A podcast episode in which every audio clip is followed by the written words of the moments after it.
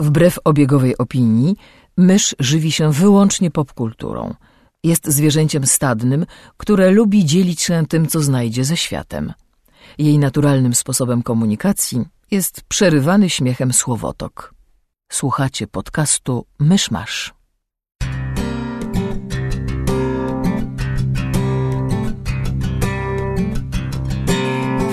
Gospodarzami podcastu Myszmasz są Krzysiek Ceran, redaktor portalu Avalon. Kamil Borek ze studia Kobart. i Mysz, autorka bloga Mysza Mówi. Drodzy słuchacze, witajcie. Dziś jest 10 marca 2014 roku, 74. urodziny Chucka Norrisa. To bardzo ciekawe. Porozwodziłbym się trochę nad tym, ale straciliśmy pierwsze 20 minut tego nagrania, więc mi się trochę spieszy. Zapraszam na 47 odcinek podcastu Myszmasz. Pełen profesjonalizm. Takie jest motto tego podcastu. Pełen profesjonalizm. Nie narzekaj. Dobrze, że tylko te kilkanaście minut, a nie cały odcinek. Jak to drzewiej bywało. Nadal tęsknię za tym odcinkiem, co się nigdy nie nagrał. Wiesz, masz teraz w głowie taki platoński ideał odcinka, do którego masz dążyć zawsze. Dobrze. Dzień kobiet, Kapitan Ameryka, komiksy, wrócimy do tego. Krzysztofie. No dobra. em, przeczytałem zbiór opowiadań Jakuba Ćwieka Gotuj z papieżem. I tak, był to mój pierwszy kontakt z Ćwiekiem, nie licząc Ćwieka w ćwieczym ciele objawionego na naszej podcastowej kanapie pół roku temu. E, Nowszych słuchaczy odsyłamy do odcinka numer 10, gdzie, gdzie mieliśmy gościa. I tak, przedwczoraj, czy przed, przedwczoraj, kiedy byłem w trzech czwartych tego tomu, już miałem gotową opinię na jego temat. Opinia brzmiała tak. Ćwiek fajnie zaczyna, bo prawie wszystkie te z tych opowiadań opierają się na fajnym pomyśle, z którymi to fajnymi pomysłami potem nic nie robi. Kompletnie nic, w związku z czym najfajniejsze były najkrótsze teksty od kilkunastu do trzydziestu stron, gdzie po prostu ma czas, żeby pokazać taką widokówkę, jakiś fajny obrazek. I jakby, ponieważ nie ma czasu z nim dalej zrobić, to mnie tak nie boli, że niczego z nim potem nie robi. I w ten sposób nam faktycznie są dwa bardzo fajne, krótsze opowiadania. Ciekawe, Znaczy, czy o- wiem, które. No, y, to spotkanie Piotrusia Pana z umierającym kapitanem Hakiem to jest Pokój ładny pełen cienia. obrazek. Ładny obrazek. Fajny jest album. On, co prawda gra na takich prostych emocjach, jakby bardzo łatwo jest, jest ten współczuć głównemu bohaterowi, ale to jest fajny obrazek. Jest jeszcze jedno krótkie opowiadanie, które nie zrobiło na mnie aż takiego wrażenia o Arlekinie, ale to dlatego, że e, nie wiem, może dlatego, że bardzo lubię komiks o Arlekinie Nila Gaimana i jakoś mam w głowie tamtą wersję zawsze, kiedy myślę, kiedy spotykam się z jakimkolwiek Arlekinem w fikcji. Więc to były krótsze opowiadania. E, Natomiast z dłuższych tekstów, właśnie fajny pomysł, jakiś zaczątek rozwinięcia, a potem nic. No weźmy opowiadanie tytułowe, Gotuj z papieżem. Zaczyna się od fajnego wątku, jak to dwóch studentów wymyśla sobie, że zbiją kasę na, na Janie Pawle II, bo tam znale, znaleźli zdjęcie wujka jednego z nich, z którego wynika, że w latach młodości znał się z Karolem Wojtyłą i co więcej, tam ten wujek potem był jakimś kucharzem smakoszem i chyba coś kiedyś papieżowi ugotował. Więc na tej podstawie zaczynają tam fałszować korespondencję, żeby wcisnąć kit ludziom, że, że to jest właśnie, to są potrawy, które papieżowi strasznie smakowały. Tak, bo wszystko, co jest z papieżem, to się sprzedaje. No, oczywiście. Jakby pr- prawda to ten, znana od wielu lat już. Zwłaszcza kremówki. A- It is known. tak. A... I, to, I to jest jakby fajny pomysł wyjściowy. Potem dochodzimy do jakby Twistu. twistu, który miałby szansę być zaskakujący, gdyby Fabryka Słów nie postanowiła zrobić z niego okładki dla tego zbiorku. I w tym momencie jesteśmy chyba w jednej trzeciej opowiadania, może w połowie. W każdym razie na pewno jest jeszcze przynajmniej bite 50 stron i tam nic się nie dzieje. Po prostu, no, znaczy, jest rozwój jakby akcji, ale postaci drepczą w miejscu, nic, no, ni- nic z tego nie wynika. Jakby właśnie wiele tych, wiele tych fajnych pomysłów zostaw, jakby zostawiało mnie z takim brzydkim pytaniem, co z tego? No jest, jest opowiadanie o Harrym Houdini, gdzie, z którego wynika, że Harry Houdini uciekał z zamknięcia, bo potrafił się dostać do takiego miejsca, które jest na skrzyżowaniu alternatywnych rzeczywistości i potem wskoczyć z powrotem do rzeczywistości. Fajny pomysł? Co z tego? jakby opowiadanie ma 80 stron i po wprowadzeniu tego fajnego pomysłu już niczego tam nie ma. Hmm. No i tak każdy kolejny tekst Znaczy, tu bym się nie zgodziła, bo teoretycznie opowiadanie kończy się tym, że on wskakuje w taką rzeczywistość, która wywołała wojnę Tak, światową. ale to jest dosłownie, to jest ostatnie zdanie opowiadania, to No. jest znowu jakby... No nie, nie, no nie spodobał mi się ten zabieg. Znaczy, Ja nie, nie przepadam za tym opowiadaniem, bo też uważam, że jest jakby za dużo treści do pomysłu.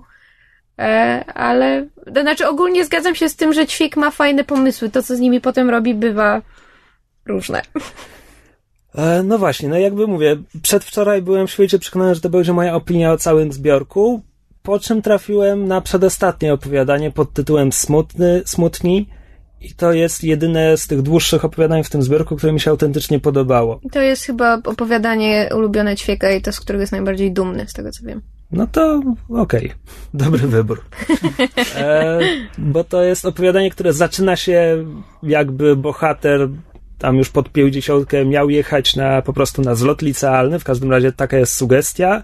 Potem okazuje się, że to nie chodzi o taki zlot licealny, tylko tam jest jakaś prywatna firma, która oferuje podróże w czasie, więc on się może cofnąć do, e, do dnia, w którym świętował zakończenie, nie wiem, temu chyba właśnie liceum.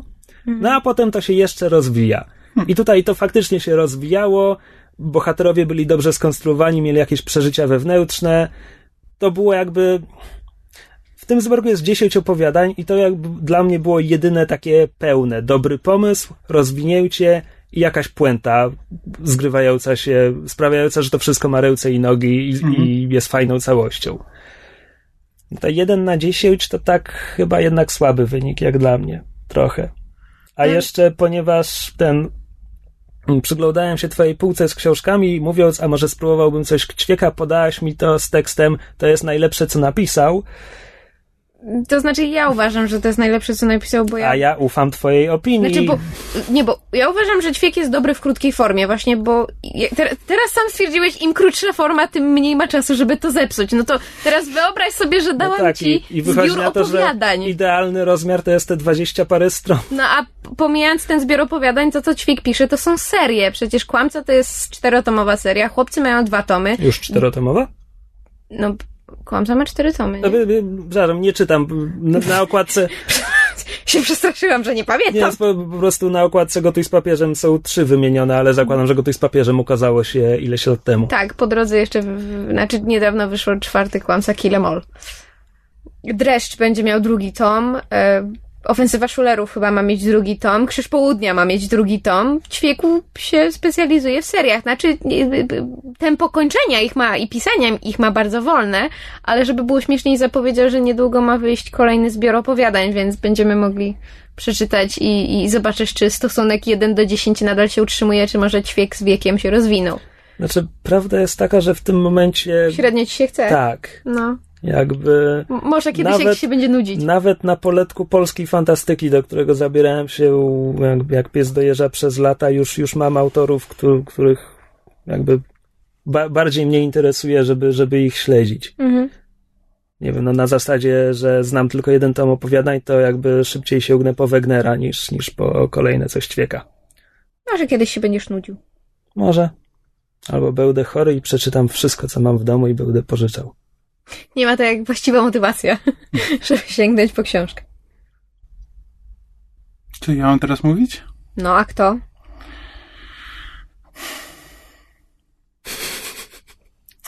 To będzie dobry odcinek. Ale nie mam w tym tygodniu co mówić, bo mam co najwyżej rozgrzebane dwie gry. Zatem miałem strasznie zalatany tydzień i niczego nie widziałem. Ale... I tak. To może najpierw wspomnę o grze Thief. E, Thief. Thief. Thief. Thief. Thief? Thief. Thief. Jakkolwiek by nie chciał kto tego nazywać. Chodzi o reboot serii Thief. Zęby? która, tak, która wcześniej miała trzy części. E, Jest legendarna. Jest legendarna i jest jedną z moich ulubionych rzeczy, jakie kiedykolwiek powstały na z, w tym medium gier komputerowych. No jakby poniekąd, bo to jest gra, e, z, gra z to się nazywało Looking Glass Studios najpierw, potem zmieniło się w Ion Storm, czyli, czyli studia Warrena, Warrena Spectora. Czyli ludzie, którzy potem zrobili Deus Exa. Tak, i Deus Exy też są moimi już ten. Deus Ex to jest moja ulubiona seria gier, zaraz po niej jest Thief, więc jakby Warren Spector jest odpowiedzialny za e, jakby ulubione rzeczy, które powstały w tym medium. No i Thief miał bardzo ciężkie zadanie, ten reboot, bo już od samego początku, jak tylko się pojawiły pierwsze e, materiały o tym, że mają zamiar rebootować FIFA, no to wszyscy się e, wszyscy się martwili, co z tego będzie. Szczególnie, no że po raz pierwszy się pojawiło jako FIF 4 i H w, w, w słowie TIF było przerobione na czwórkę. I to już tak e, ludzie się bali, że to będzie po prostu e, ufajnione, że będą próbowali ufajniać e, FIFA tego oryginalnego i że nic z tego nie będzie. No dobra, ale może powiedzmy, czemu ta seria jest legendarna i. E, znaczy tak, po pierwsze, to w, e, gameplay jest zasadniczo standardowy dla skradanek. Ja prawdę mówiąc nie wiem, czy na etapie, kiedy powstało pierwszy Thief, czy jakby skradanki w tym momencie nie kojarzę, czy skradanki to już był e, ustanowiony gatunek i czy to było już, e, czy ten gameplay to znaczy, istniał? Na pewno, Chyba nie bardzo. Na pewno nie takie rozgrywane z perspektywy pierwszej osoby. Mhm.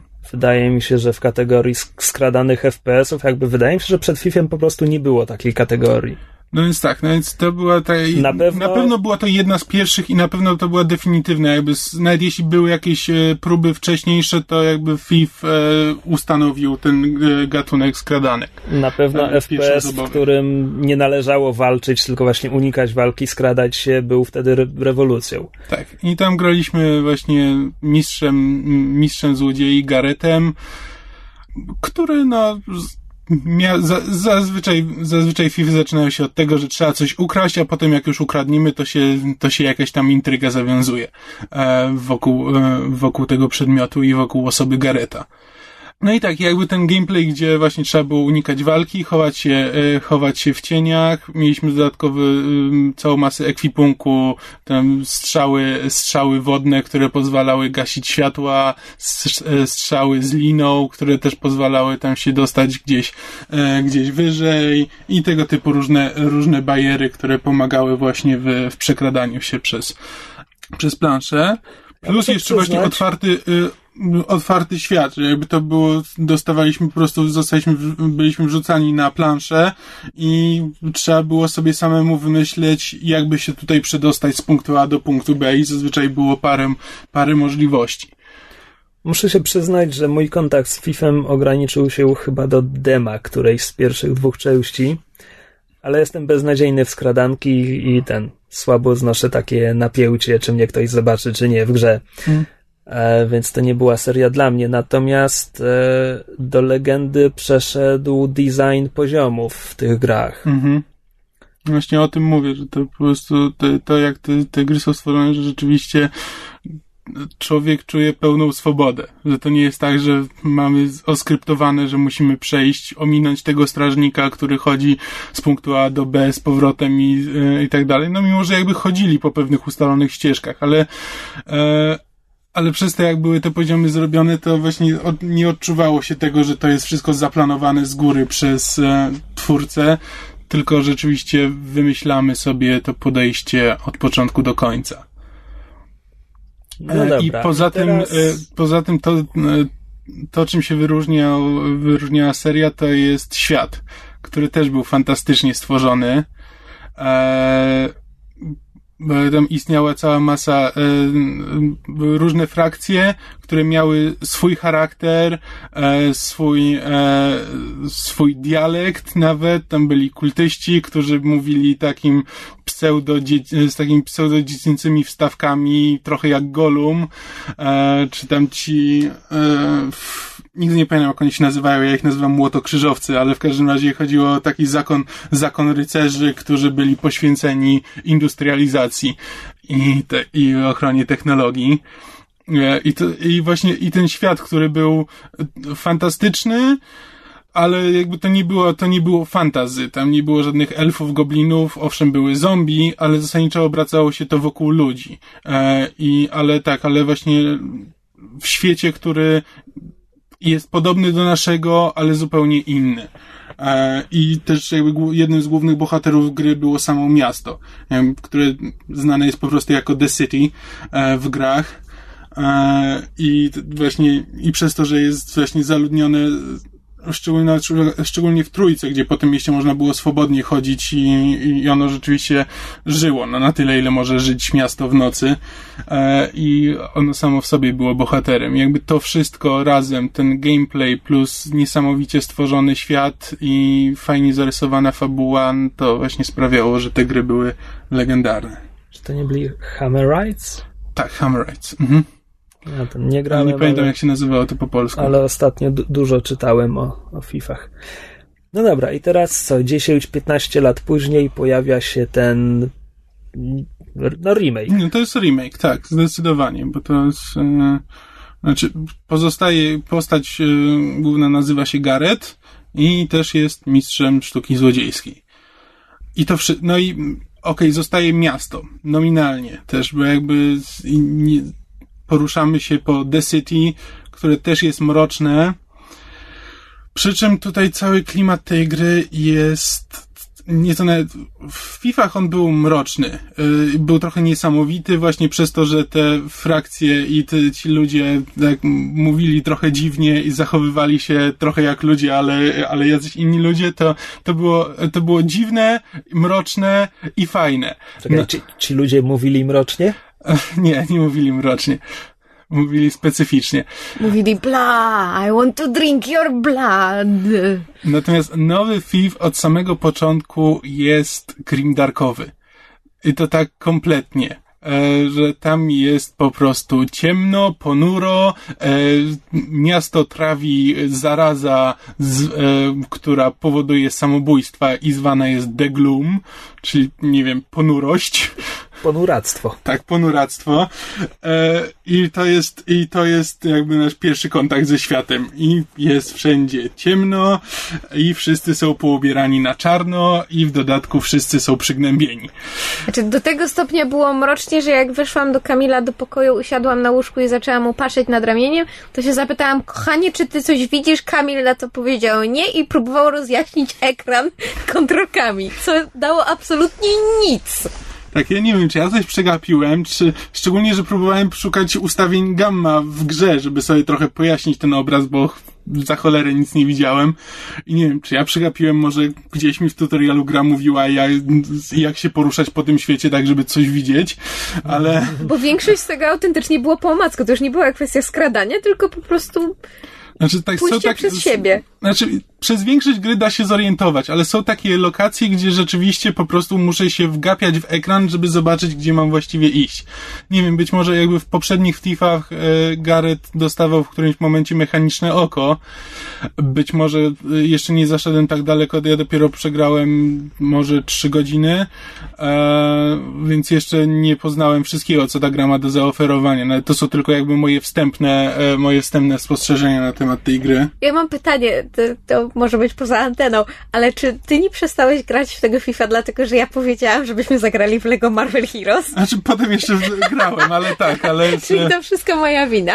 Ale potem zaczęliśmy grać w Marvel Heroes, a potem jeszcze sięgnąłem South Parka, więc... E, tak, ale przepraszam, że na chwilę zrobię małą dygresję, bo myśmy wspominali nie raz i nie dwa o Lego Marvel Super Heroes, czy jaki tam tego tytuł by nie był. Właśnie taki. Właśnie taki, dobrze, świetnie. E, I wspominaliśmy o grze, że jakby się bardzo fajnie, bardzo fajny jest gameplay, że właśnie drużynowo i są fajne teksty i grafika jest super, ale tym razem myśmy z Kamilem zamiast wykonywać kolejne misje skupili się na odkrywaniu miasta. I nagle się okazało, że w tym mieście jest tyle do zrobienia i jest tak fajne i można się tak dobrze bawić że ta, tak, ta gra po prostu zyskuje dla mnie za każdym razem tak nowe, fajne poziomy. Tak, czuję, że każde z nas praktycznie grało w swoją grę, bo po prostu chodziliśmy i każde z nas wykonywało inne z, misje, tak. tak. I żeśmy odkrywali nowe postacie i ja potem szłam na shopping i wydałam wszystkie nasze ciężko zarobione pieniążki, bo nakupowałam postaci. Tak, tak, wciąż bardzo przyjemna gra. Wracając do tematu. Tak, e, wracając do Tifa, um, Pod względem gameplayu jest fajnie. E, tak jakby świat nie do końca mi się podoba i jeszcze nie jestem do niego przekonany. Być może jeśli się fabuła rozwinie, to, to mnie do siebie przekona. E, Recenzja też... na Rock Paper Shotgun zaczynała się chyba od słów na początku wyjaśnijmy sobie jedno. Fabuła jest nie dającym się zrozumieć szambem. Ups. Tak się zapowiada, niestety. Znaczy, są wprowadzone, e, znaczy, Gareth jest wprowadzony po prostu jest. Zakładają chyba, że skoro był w innych grach, to ludzie jak podchodzą do gry, to powinni wiedzieć, kim jest Gareth.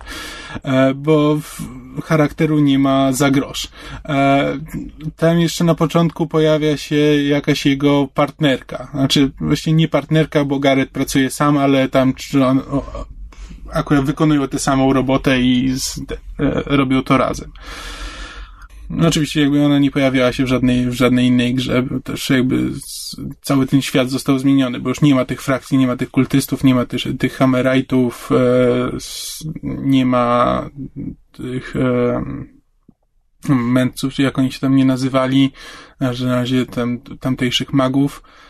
Mm, wszystko, wszystko jest jakby zupełnie zmienione, e, więc ta dziewczyna też się pojawia, też potem odgrywa jakąś tam rolę w fabule, ale nie do końca wiadomo jeszcze jaką. Pojawia, pojawiają się, pojawiają się postaci, ale żadna z nich nie ma charakteru, żadna z nich nie, z, nie sprawia, że jestem zainteresowany jej losami. Mówię, na razie to są trzy godziny, być może to się zmieni, ale po prostu mam wrażenie po tych trzech godzinach, że jednak nie, że jednak mimo wszystko to jest po prostu ułomność scenariusza, a nie, e, a nie to, że powoli się rozkręca. Mm, co dalej? Aha, e, tak, gameplay, e, gameplay jest, e, gameplay jest w porządku. Jak ktoś lubi skradanki, no to, no to się nie zawiedzie, bo z, plansze są skonstruowane całkiem fajnie. Można zazwyczaj na parę, na parę różnych sposobów. Przy czym to, co mówiłem, że w pierwszym Thiefie albo głównie trzecim FIFA. No, trzeci FIFA to jest dla mnie e, e, to jest dla mnie uosobienie tej serii jakby najlepsza, najlepsza jej część, moja ulubiona. E, jakby do niej się, do niej się głównie odnoszę, jeśli mówię o tym klasycznym FIFA. To tam rzeczywiście zostaliśmy, byliśmy wrzucani na poziom, i dalej wszystko sobie decydowaliśmy sami, co dalej, co dalej robimy. Mieliśmy tylko tam wyznaczone, że mamy ukraść ten konkretny przedmiot i jak to sobie zrobimy, to już jest nasza sprawa. Tutaj to jest taki typowy game design e, XXI wieku, czyli mamy mamy poziom, który trzeba przejść liniowo, tylko że w ramach tego poziomu na przykład można przejść pewne jego etapy na trzy możliwe sposoby. Ale potem, czyli to jest po prostu taka rozczapiżająca się, rozczapiżająca się konstrukcja, która i tak spotyka się w tych samych punktach najważniejszych. I trochę mnie to, trochę mnie to boli, jakby, no to jest klasyczna konstrukcja jakby teraz. No też jakby mimo wszystko e, Human Revolution też tak Właśnie mniej więcej wyglądało. Właśnie to zapytać, ponieważ to jest to samo studio, czy te poziomy w FIFA są większe, mniejsze, te same? Co w Human Revolution, tak? Mhm. Zasadniczo tak. E, znaczy zasadniczo te same?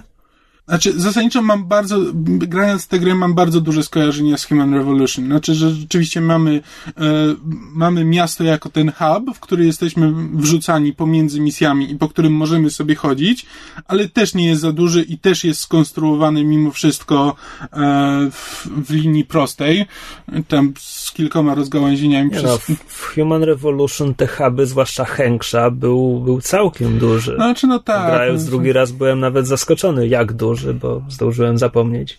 Znaczy tak, no, no można chyba, znaczy tutaj po prostu e, wrażenie tej wielkości tego miasta psuje to, że co chwila trafiamy na ekrany ładowania. Znaczy co chwila to jest podzielone na sektory i co chwila trzeba przechodzić z jednego sektora do drugiego. Jeśli chce się rzeczywiście przejść z jednego, z jednego punktu miasta do drugiego. To jest bardzo dużo ekranów ładowania i to trochę psuje efekt i w ramach e, misji poszczególnych też tak jest. No ale tak, ale jakby już abstrahując od tego, no to jakby uwalniając się jakby od myślenia, że to nie jest ten PIF, którego ja kocham e, od 10 lat, e, to to to jest porządna gra, jakby pod względem gameplayu. Rzeczywiście y, elementy skradankowe są fajne, elementy, które zostały dodane działają, że tam na przykład tak zwane, e, to się chyba Scary nazywa w tej grze, że Gareth ma możliwość po prostu jakby takiego przeskakiwania między, między cieniami. Że nawet jeśli tam jakiś strażnik patrzy w naszą stronę i przed sobą mamy trochę, mamy plamę światła, to można nacisnąć spację, żeby się przez to światło tam prześlizgnąć. Plus tam jakieś upgrade'y różne, e, tam fokus, czyli e, skupienie, które można włączyć, żeby różne dodatkowe efekty uzyskać. To znaczy, albo na przykład podświetlają nam się rzeczy, które można ukraść, albo tam przyspiesza, y, przyspiesza e, kradzież, czy otwieranie zamków i tego typu różne, różne efekty. No i nadal też y, gra jest nastawiona na skradanie. Przynajmniej w tych pierwszych, w tych pierwszych właśnie trzech godzinach walka nie ma żadnego sensu. E, można tam, można ogłuszać, ale w momencie, ale w bezpośrednim starciu Gareth jest bardzo słaby.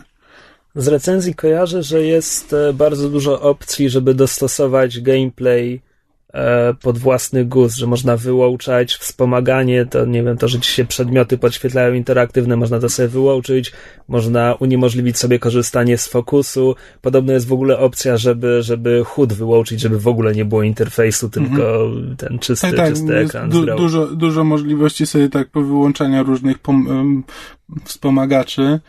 E, ja też jakby te, jakby trzeba do tej gry podejść tak, żeby to sobie samemu, samemu tworzyć własne wyzwania. Znaczy ja właśnie starałem się przechodzić te poziomy tak na przykład, żeby nikogo nie ogłuszać, bo wtedy już na przykład uważam, że gra by się zrobi, robi się trochę za prosta, jak się pozbywa strażników. Natomiast jeśli trzeba się między nimi przekradać, to jest znacznie ciekawiej. Powiem jeszcze o tej grze więcej prawdopodobnie, jak ją skończę, znaczy przynajmniej zweryfikuję swoje poglądy jak na razie. Póki co to jest tak, że owszem, fajna gra, ale mm, nie zapadnie mi w pamięć na długo. Czyli ogólnie Human Revolution był lepszym spadkobiercą tak. Deus Exa niż FIF jest spadkobiercą Tak, szczególnie właśnie, szczególnie właśnie w klimatach. Znaczy, jakby Human Revolution zdecydowanie lepiej rozumiał świat Deus Exa niż nowy FIF rozumie świat e, oryginalnego FIFa.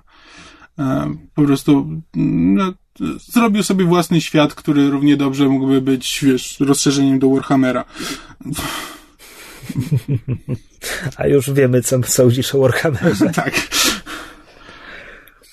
No dobra, to na zakończenie jeszcze raz, dzieci. Thirty Thirsty Thieves. Co? Thirty Thirsty Thieves. Ponieważ ja kiedyś miałem uczyć angielskiego, a kobieta, która sprawdzała, czy się do tego nadajemy, stwierdziła, że ja nie jestem w stanie wymówić tej zgłoski, to nauczyła mnie, żebym sobie ćwiczył właśnie zdanie o 30 spragnionych złodziejach, żeby się nauczyć. 30 thirsty thieves. 30 thirsty thieves. 30 thirsty thieves. Uczcie się angielskiego z myszmaszem. No dobra, skoro już zeszło na gry komputerowe, to chyba nie będziemy budzić myszy z jej hibernacji zimowej. Mysz wraca do Mahjonga. Mysz wraca do Mahjonga ukazał się drugi epizod drugiego sezonu The Walking Dead od Telltale Games. I ponownie to są dwie godziny gry. No i mam pewien problem z tym epizodem. W dalszym, to w dalszym ciągu jest Walking Dead. Walking Dead jest fajne, ergo ten epizod był fajny. Mhm.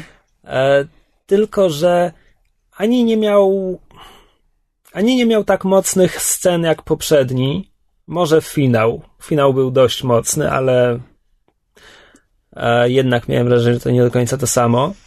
Ani nie dał mi poznać tych postaci. W poprzednim epizodzie poznaliśmy grupę, nie wiem, siedmiu, ośmiu kompletnie nowych postaci. Jakby naprawdę liczyłem, że zanim będę musiał no, obserwować, jak, jak się rozgrywają ich interakcje, a będę mógł ich poznać, a gra nie daje mi takiej okazji, tak naprawdę. Tak naprawdę jest tam chyba no nie wiem, no, każda z tych postaci jest przynajmniej jedna scena, gdzie, gdzie możemy z nimi porozmawiać, ale, ale to są krótkie dialogi, wymuszone konkretnie sytuacją. A nas par, paro, parę poznajemy trochę lepiej. I to jest jak najbardziej celowy zabieg, bo tematem tego epizodu, a może nawet tego sezonu już e, zaczyna być pytanie, komu można, trzeba zaufać e, i właśnie, żeby właściwie, zwłaszcza w tym epizodzie, to chodzi o ślepą wiarę. Czy, czy wiesz, czy można komuś zaufać na podstawie pierwszego wrażenia i tak dalej. E, Więc żeby to przekazać, chyba właśnie, właśnie dlatego twórcy nie dają nam okazji poznać tych ludzi, tylko musimy deklarować tak niemal na ślepo, czy, czy im ufamy, czy, czy, czy to są dranie, czy, czy jeszcze wstrzymamy się z oceną. A, więc jestem ciekaw, do czego to zaprowadzi.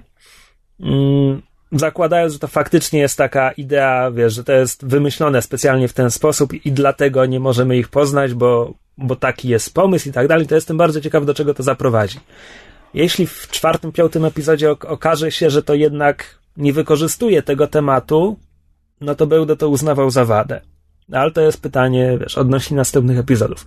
Jeszcze odnośnie tego epizodu, jednak jest pewien problem e, z przedstawianiem tej fabuły, gdy teraz gramy 11-letnią dziewczynką, ponieważ w pewnym momencie w dialogu pada zdanie od jednej z postaci, kie- kiedy ona tak z zażenowaniem niejako na pół do nas, na pół do siebie mówi Ojej, no spójrz na mnie, pytam, pytam się o radę 11-letniej dziewczynki. No a ja jako gracz mogę jej tylko przytaknąć, bo to faktycznie jest dziwna sytuacja i wypada nienaturalnie No tak.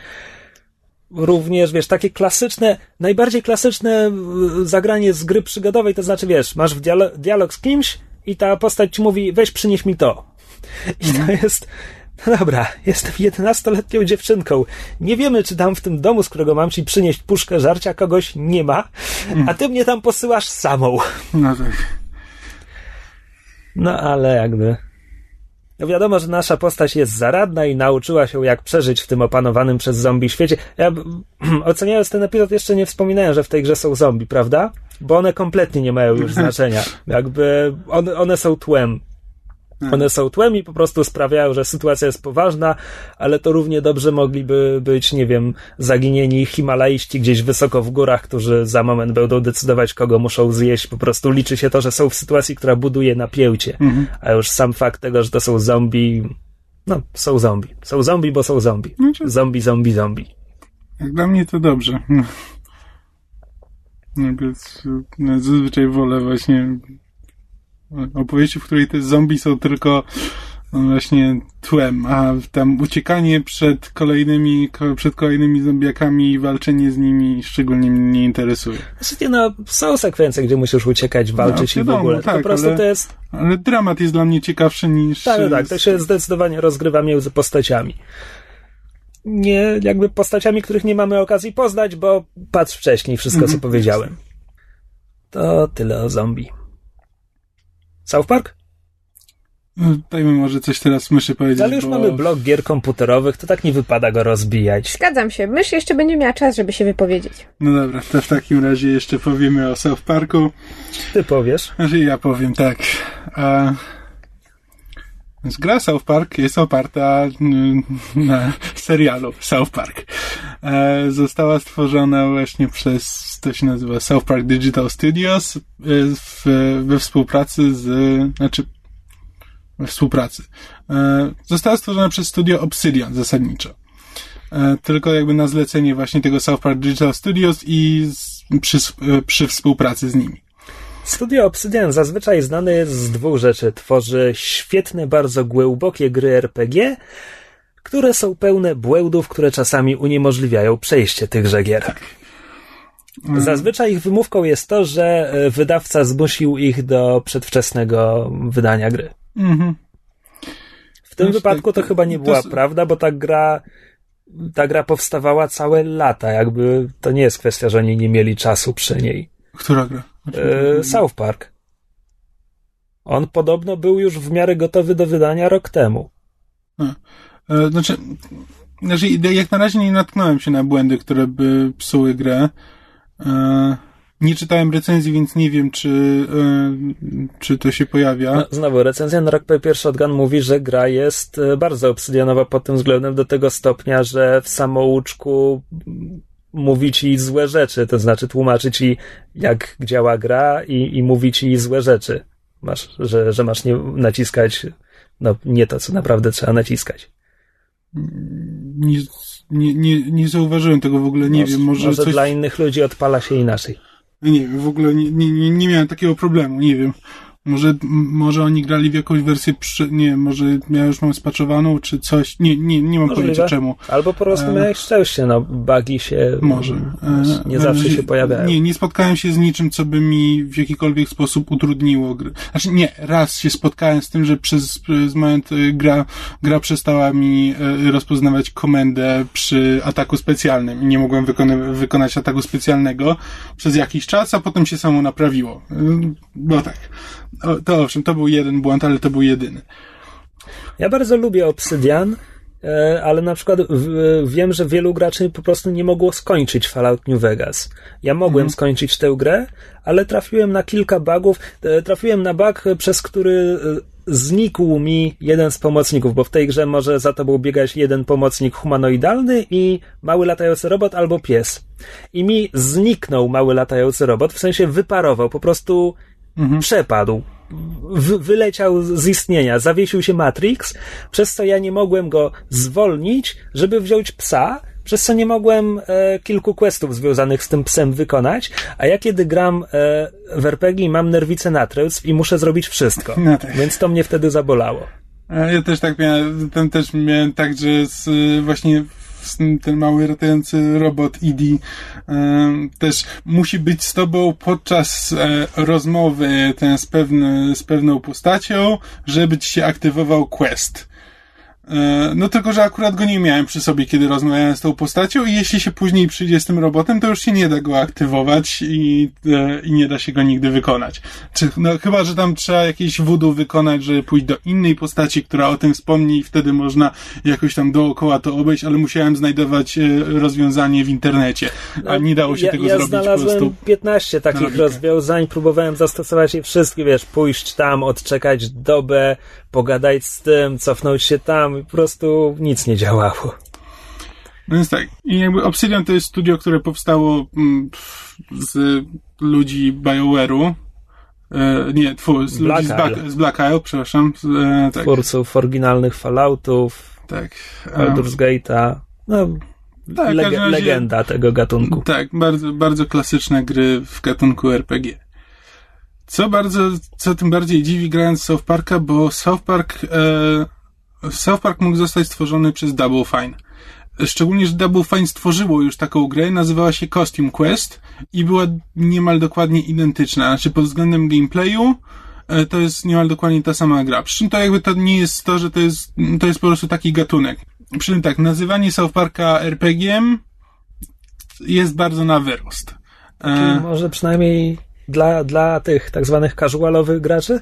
e, tak, na, na pewno.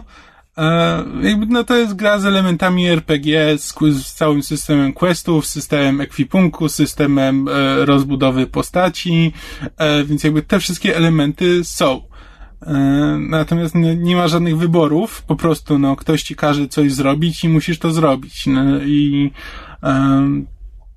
nie, nie masz, nie, nie masz żadnego wyboru. Jakby e, tutaj też zastrzegam, że ja te, to znowu mówię o wstępnych, e, wstępnych spostrzeżeniach, bo to jest też na podstawie tam, nie wiem, czterech godzin gry, coś takiego.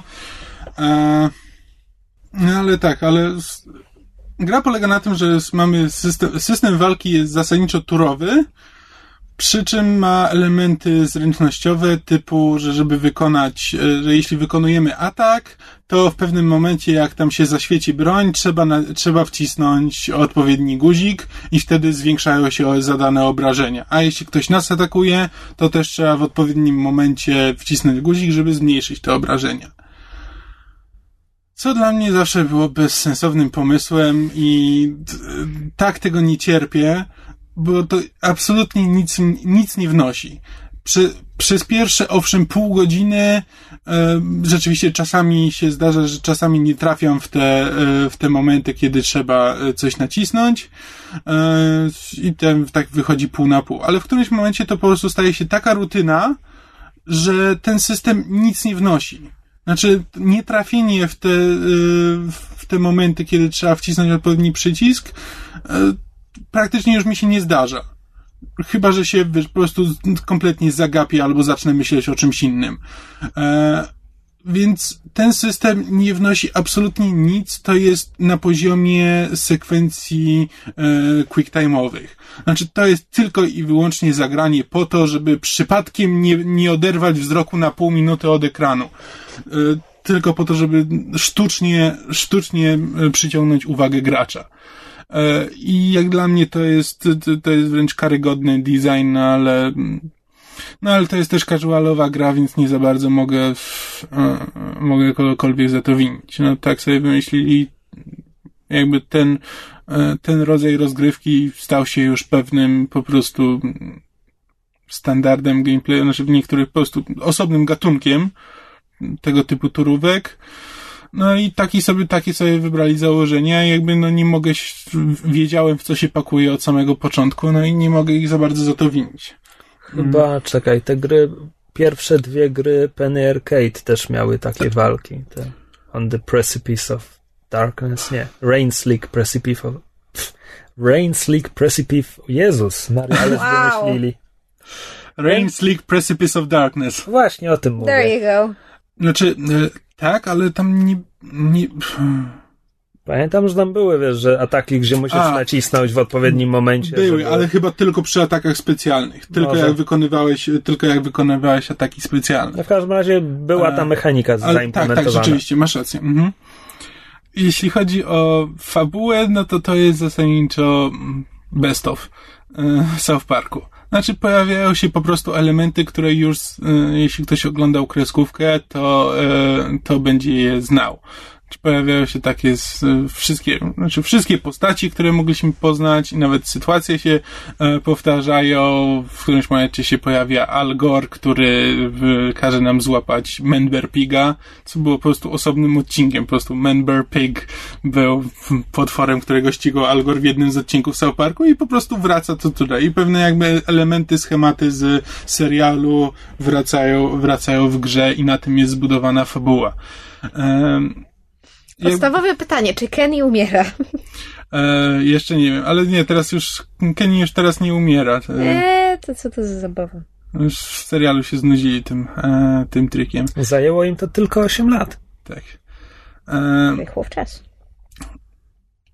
Pytanie, e, pytanie znaczy, brzmi, tak. czy to do czegoś prowadzi. Znaczy, czy te, czy te wiesz, South, Park, South Parkowe standardy i cały wulgarny humor, czy to wszystko służy temu, żeby jakąś satyrę wprowadzić.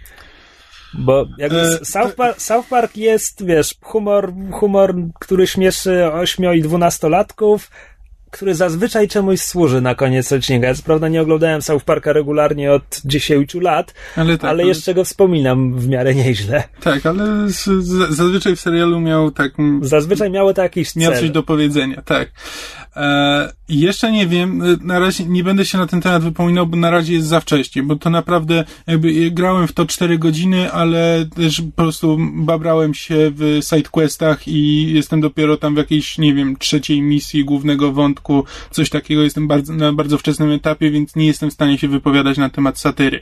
Czy pojawiają się elementy takie standardowe, standardowe elementy mające ośmieszać um, E, pewne schematy gatunku, to znaczy, kiedy trafiamy... Gier konkretnie. Gier, tak. To zazwyczaj nie wychodzi w grach. Nie wychodzi. Na przykład jest, są elementy, kiedy tam trafiamy na statek kosmitów i e, znajdujemy audiologii e, jakiegoś bezdomnego, który tam właśnie trafił, który opowiada, że właśnie już chodzi po tym statku i próbuje znaleźć jakiekolwiek jedzenie, cokolwiek, co mu pozwoli przetrwać, a jedyne, co znajduje, to kolejne bezużyteczne audiologii i każdy jest nudniejszy od następnego. E, jest to, wiesz, jest to w miarę zabawne, ale też nie jest to zaskakujące. Znaczy jest to taki typowy element, e, e, element satyry na właśnie na schematy gier komputerowych, gdzie próbują się naśmiewać z pewnych schematów, ale jest to też standardowe, gdzie naśmiewają się z pewnego schematu, tym samym go wprowadzając, że jakby no, owszem, że każą ci, że masz dowcip o tym, że znajdujesz całą masę nudnych audiologów, który jest prowadzony przez całą masę nudnych audiologów, no, które wciąż musisz przesłuchać, więc jakby nie do końca, nie do końca jestem przekonany. E, przy czym no jakby świat jest, świat jest w porządku, fabuła jest w porządku. Ja South Parka nie oglądałem już od jakichś dwóch lat, więc e, jakby miło mi się, miło mi się do tego teraz wraca. E, może dlatego i tak jakby ten humor, ten humor zdążył mi się kiedy, kiedy South Parka oglądam za dużo, to ten humor mnie zaczyna męczyć w którymś momencie. Miałem na tyle długą przerwę, że mogę grać w tę grę i, e, i tam się podśmiechuję od czasu do czasu, ale też nie ma nic takiego, co by mi, e, co bym wspominał potem. Ale no, mówię, to na razie są wstępne, e, w, w, mm, moje wstępne spostrzeżenia. Jest to gra przyjemna, i to tak naprawdę tyle. Mhm, I zobaczymy, co dalej. Tak, zobaczymy, co dalej. Być może, wiesz, wprowadzają cały czas kolejne elementy, być może się okaże, że rozwinie się to jakoś w ciekawy sposób, ale, e, ale póki co to jest takie sobie, tak sobie casualowy RPG, który równie dobrze mógłby być flashową gierką, tylko że jest rozbudowany znacznie bardziej. Okej. Okay.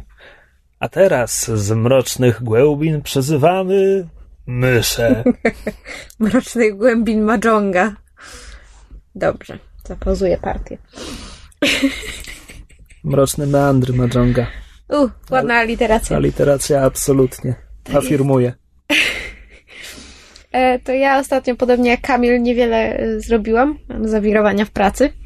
E, ale udało mi się wreszcie po pół roku skończyć czytać Kapitan Ameryka Zimowy Żołnierz. A to jednak robimy to?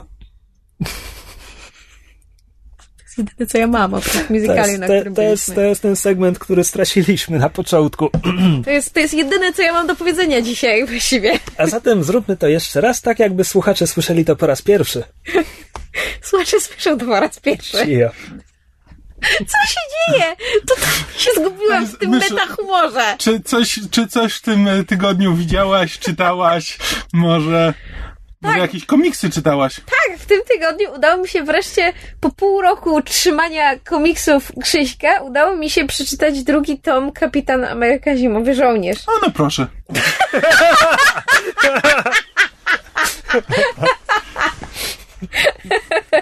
Powiedz nam coś jeszcze. Czytałam go w przygotowaniu do filmu Captain America Zimowy Żołnierz.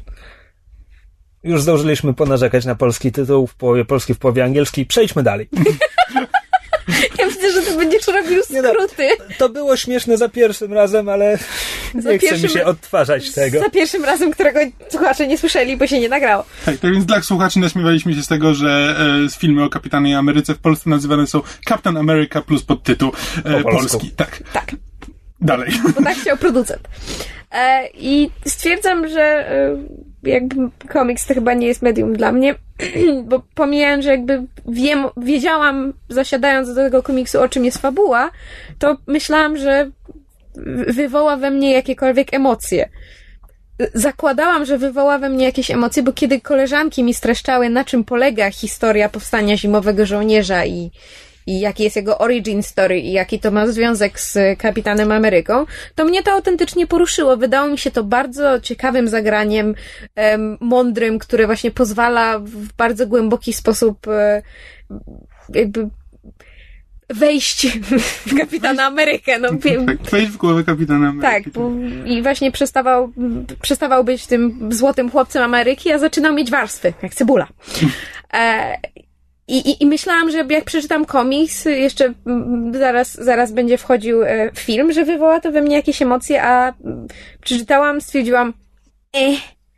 I, I jakby przeszłam na tym do porządku dziennego. I to nie jest pierwszy raz, kiedy y, mam styczność z komiksem, który jest podobno, nie wiem, świetny, wybitny, poruszający, dowolny inny przymiotnik, a Ża- na mnie nie działa. z nich nie odniósłbym do tego komiksu. Dobrze, ale jakby chodzi o pewne porównanie, że mysz na, znaczy ja naprawdę jestem szalenie emocjonalną istotą, która się bardzo łatwo wzrusza i wczuwa w pewne rzeczy, a nie zdarzyło mi się jeszcze, żeby komiks we mnie wywołał jakieś emocje oprócz hmm, ciekawe albo o ładny rysunek. Nie znalazłaś jeszcze komiksu dla siebie. Powi- e, Kamil, podrzuć jej sagę. Saga powinna zadziałać.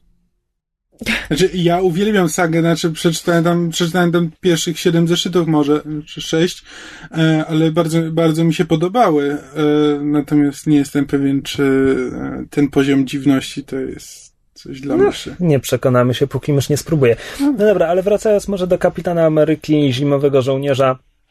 Mm, To jest komiks ze scenariuszem Eda Brubakera. Mówisz? Brubakera, jeśli ktoś się upiera przy wymowie. Ja się nie upieram, więc nie będę. E, I z rysunkami Steve'a Eptinga. Tak, Nie, no co ty? Przynajmniej teraz słuchacze nie będą musieli słuchać, jak Krzysiek przez 5 minut próbował sobie przypomnieć, kto właściwie narysował ten komiks. Iho. Dobrze. A, I e, Brubaker pisał tę serię w takim tradycyjnym dla siebie wydaniu, to znaczy on się bardzo dobrze sprawdza w komiksach, które e, nawiązują do thrillerów szpiegowskich albo do kryminałów w stylu noir. E, jak wychodzi poza tę swoją, ten swój comfort zone, to mu, to mu idzie słabiej. E, I właśnie wrzucił, wrzucił tę posągową postać kapitana Ameryki w taką trochę no, brudniejszą historię, jednak tam są ludzie, którzy stosują nieczyste zagrywki i, i nawet ci dobrzy czasami mają tam coś za uszami. A, I to się bardzo dobrze sprawdziło, zwłaszcza, że wpisywało się w okres, kiedy wszystkie komiksy Marvela zajmowały się Civil War, czyli kwestią, czy superbohaterowie mają się rejestrować e, ten, czy, czy mają mieć licencję na, na swoją działalność, czy mają zdradzać swoją tożsamość amerykańskiemu żołdowi. E, komiksy Marvela w tym okresie były bardzo rozpolitykowane i właśnie Kapitan Ameryka w takim wydaniu się bardzo dobrze sprawdził. E, tylko, że jakby to była bardzo dobra seria, której te dwa tomy Zimowego Żołnierza wydane po polsku w ramach wielkiej kolekcji komiksów Marvela są początkiem. Wprowadzają postać Zimowego Żołnierza, wprowadzają tych złych, ale nawet jeszcze nie bardzo wiadomo, jakie są ich motywacje. Tak jakby to jest, to jest fundament pod resztę historii i właśnie o reszcie historii powiedziałbym, że jest bardzo dobra. A, zwłaszcza, że jej punktem zwrotnym jest e, spoiler do komiksu sprzed siedmiu lat śmierć kapitana Ameryki, no, która jakby oczywiście stawia tam na głowie te wszystkie wydarzenia i ta seria jako całość była bardzo dobra. Zimowy, Zimowy Żołnierz to, to są jej fundamenty. I jakby dla mnie były fajne, powrót do tego komiksu był fajny, bo pamiętałem, co jest później. E, a ja rozumiem, że wyrwane z kontekstu i, i bez całej tej, tej reszty są, będą, no właśnie, tak jak mysz mówi, że nie zrobiły wrażenia. Znaczy, ja nadal, ja nadal mam pamięci jakby to, jak właśnie te znajome mi opowiadały, wiesz, kim jest zim- zimowy żołnierz, dlaczego on jest istotny dla kapitana Ameryki, cały ten origin story i potem jak się dowiedziałam, że będzie powstawał film na tej podstawie. No, no ale to te, te znajome jakby wyrwały z kontekstu tę historię. No to, to, nie, to nie jest. Wbrew tytułowi, tomy Kapitan Ameryka Zimowy Żołnierz nie, nie są historią o zimowym żołnierzu. Tak, tylko Nie z jego perspektywy poznajemy historię i, i tak ale, dalej. nawet, ale nawet w momencie, kiedy już jest ten, ten, ten wielki reveal i dowiadujemy się, kim jest zimowy żołnierz i skąd on się wziął i dlaczego jest ważny, to jakby nawet ten moment był dla mnie pusty. Nie dlatego, że już wiedziałam, tylko po prostu czytając komiks, ta informacja nie niosła dla mnie żadnego ładunku emocjonalnego, mimo że Kapitan Ameryka tam na wielu kadrach przeżywa, że to jest och takie straszne i jemu jest tak strasznie źle i co on by zrobił, żeby to naprawić, ale ja tego w ogóle nie czułam. Dlatego tak bardzo czekam na film, bo pomijając jak w gruncie rzeczy kiepskim filmem był pierwszy Kapitan Ameryka, to ja miałam na nim dużą frajdę, bardzo lubię Chrisa Evansa. I bardzo się cieszę, że w dwójce poniekąd skupimy się na postaci zimowego żołnierza, bo, bo lubię tę postać, ewentualnie lubię to, jak sobie wyobrażam tę postać. Tutaj bardzo próbuję nie walnąć jakiegoś spoilera. Nie, nie bardzo wiem jakiego, bo chyba już nie raz i nie dwa omawialiśmy, kim jest zimowy żołnierz, ale to nie wiem, może są ludzie, którzy tak jak ja do niedawna nie wiedzieli, kim jest zimowy żołnierz, więc nie będziemy się może w to wdawać. Ja w każdym razie bardzo czekam na film. Ja też jestem ciekaw. Mam nadzieję, że w filmie nie będą się starali z tego robić wielkiego revealu, bo obawiam się, że będziemy mieli powtórkę z Kana. Znaczy już w ostatnich, w ostatnich zwiastunach pokazują jego twarz, ale w takich sekundowych migawkach, Mhm. więc wciąż trochę robią z tego tajemnicę. Ja E, tylko, że mam nadzieję, że to się rozwiąże w pierwszej pół godzinie, a nie w połowie filmu. nie no, zdecydowanie powinno. Ja się boję, że to się może. Znaczy, że boję Znaczy, się. połowa filmu to dla mnie jeszcze będzie nie najgorzej. No dobra, tak, też prawda. Mm, A teraz pojawił się, nie wiem, 58 z kolei z- zwiastun, migawka, która zawiera mniej więcej 3 minuty z początku filmu, po prostu ciągiem, plus jakieś tam sceny, sceny z dalszych. E, zabawne. Nie, po prostu jest pokazana ta akcja, która, która już w zwiastunach się zaczyna, wiesz, od tego, że Kapitan Ameryka i Black Widow wyskakują z samolotu i tutaj po prostu mam jeszcze dwie minuty, co, co się dzieje zaraz potem. I ten wygląda całkiem nieźle, ale mam wrażenie, że tam nie wszystkie kwestie techniczne były jeszcze dograne. Wydawało mi się, że brakowało niektórych efektów dźwiękowych. Znaczy nie, nie miałem okazji jeszcze tego zobaczyć. A może to jest taka koncepcja. W każdym razie jestem strasznie tego ciekaw, bo ten. E, bo tam będzie Batroc the Leaper. To jest bardzo. z-? Batroc the Leaper to jest bardzo znany przeciwnik kapitana Ameryki. Zgaduję, że z lat 60., bo wtedy wymyślano takiej postaci. To jest francuski najemnik, który e, jest specjalistą w e, sztuki walki, bodajże to się nazywa savate. No i, i, i skacze. Bardzo, bardzo niesamowicie skacze. Okej. I zazwyczaj, kiedy się pojawia, to scenarzyści robią z niego najbardziej karykaturalnego Francuza, jak to tylko możliwe. The most Frenchy French that ever Frenched. Tak, dokładnie. Ale, ale co, spryt, co sprytniejsi scenarzyści dodają mu drugie dno, gdzie e, on, on, e, we- według którego on gra taką karykaturę Francuza, bo dzięki temu ludzie go nie doceniają i może ich zaskakiwać. I wtedy to jest fajne. No. Więc. y, Prze, nie, przypomniałem sobie krótką scenkę z komiksu e, Agent X G- Gail Simon. To była seria, która była. To była seria mniej więcej o Deadpoolu, tylko że bez Deadpoola i pod innym tytułem. To dość skomplikowane, ale, ale to była jedna z najlepszych historii o Deadpoolu, chociaż się tam nie pojawia przez pierwsze 10 numerów. Komiksy są dziwne. I tam jest króciutka scenka, w której jeden z bohaterów e, w, w trakcie walki z jakąś dużą grupą zamaskowanych złoczyńców trafia na e, dwie kobiety, które przedstawiają się jako córki e, cz- czarnej tarantuli i, i batroka. I jedna z nich jest właśnie taką absolutnie karykaturalną latynoską, a druga absolutnie karykaturalną francuską. I on, on, je po, on po prostu do nich strzela i skopuje je z dachu, po czym z dołu dobiegają takie słabe. O! Mi się z kolei przypomniała ta scena z Simpsonów. Jak Lisa trafia przez przypadek do, ten, do jakiejś innej szkoły i ten, na, lekcję, na lekcję francuskiego i dzieci zaczynają się z niej śmiać. Ha, ha, ha. Na, nauczyciel. O, français! O, ho, ho, ho.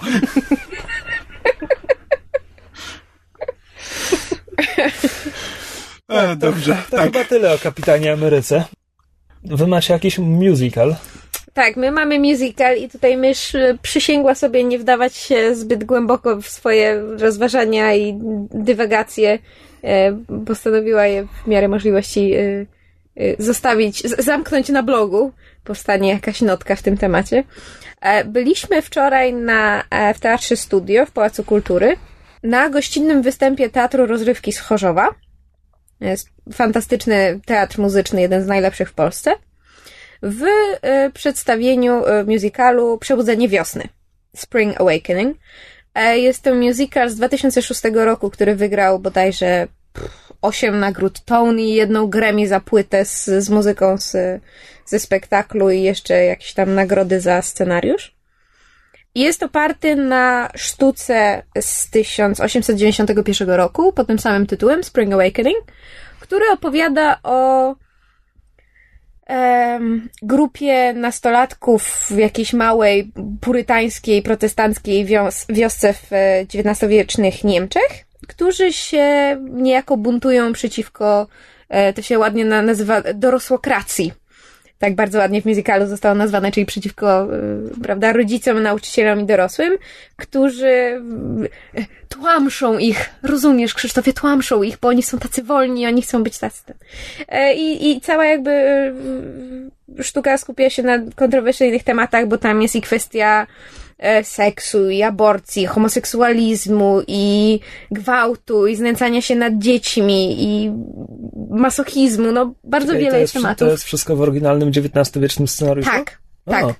E, to była bardzo kontrowersyjna sztuka przez e, Została napisana w 1891, po raz pierwszy została wystawiona w 1906 i natychmiast została zakazana i była zakazywana właściwie wszędzie. W Wielkiej Brytanii była zakazana do 1964 roku. Znaczy, hmm. autentycznie nie można było jej wystawiać za każdym razem, jak ktoś próbował, to była zakazywana i zdejmowana z afisza. I, i, I jakby rzeczywiście jak na tamte czasy i na wie, wiele, niemalże set lat później nadal była szalenie kontrowersyjna. Bo właśnie chodziło o to, że to była taka protestancka, e, protestanckie realia, więc te dzieci nic nie wiedziały o seksie, ale czuły, prawda, burzę hormonów, coś się w nich budziło, nie wiedziały co, więc um, dochodziło do różnych właśnie e, niefortunnych zdarzeń. I to jest wszystko ujęte w ramy e, musicalu, który w ramach kontrastu te, te, te, te protestanckie tłamszenie i tę taką fałszywą burżuazję kontrastuje z e, rokową muzyką współczesną. I poszliśmy na to dużą grupą, bo było nas 10 osób. Siedzieliśmy w ostatnim rzędzie i robiliśmy zaloże szyderców. E, I opinie były bardzo rozbieżne. I to może Kamil teraz powie coś od siebie, a ja potem mm, powiem od siebie. Znaczy tak, w warstwie fabularnej, no to z racji tego, że to, to powstało w 1891, no to to są obecnie to są wszystko schematy. E, to jest e, znaczy, jak dla mnie, ja to, dla mnie to było takie stowarzyszenie umarłych poetów, tylko że o seksie, a nie o teatrze. Tak. E, stowarzyszenie umarłych poetów nie było o seksie? Znaczy, e, też jakby ten się po pojawiało, tylko że tam jakby ten seks był w kontekście właśnie tego przedstawienia. Tutaj seks jest w kontekście seksu, dorastania i jakby tak przemian, w, jakby to jest po prostu, po prostu konkretnie o seksie, a nie... Stowarzyszeniu Małych Poetów jakby chodziło o to, że właśnie jakby to wolnomyślicielstwo było promowane wbrew e, zakazom no bo to chodziło tak, o to, że ten jakby, nauczyciel tak, ich tutaj zachęca. tutaj brakuje tego nauczyciela, który by to... na odwrót. Oni wszyscy chcą bardzo, prawda, być tymi wolnomyślicielami, chcą, chcą się wyzwolić, chcą żyć, chcą, chcą coś przeżyć, a wszyscy ich tłamszą, wszyscy dorośli ich tłamszą.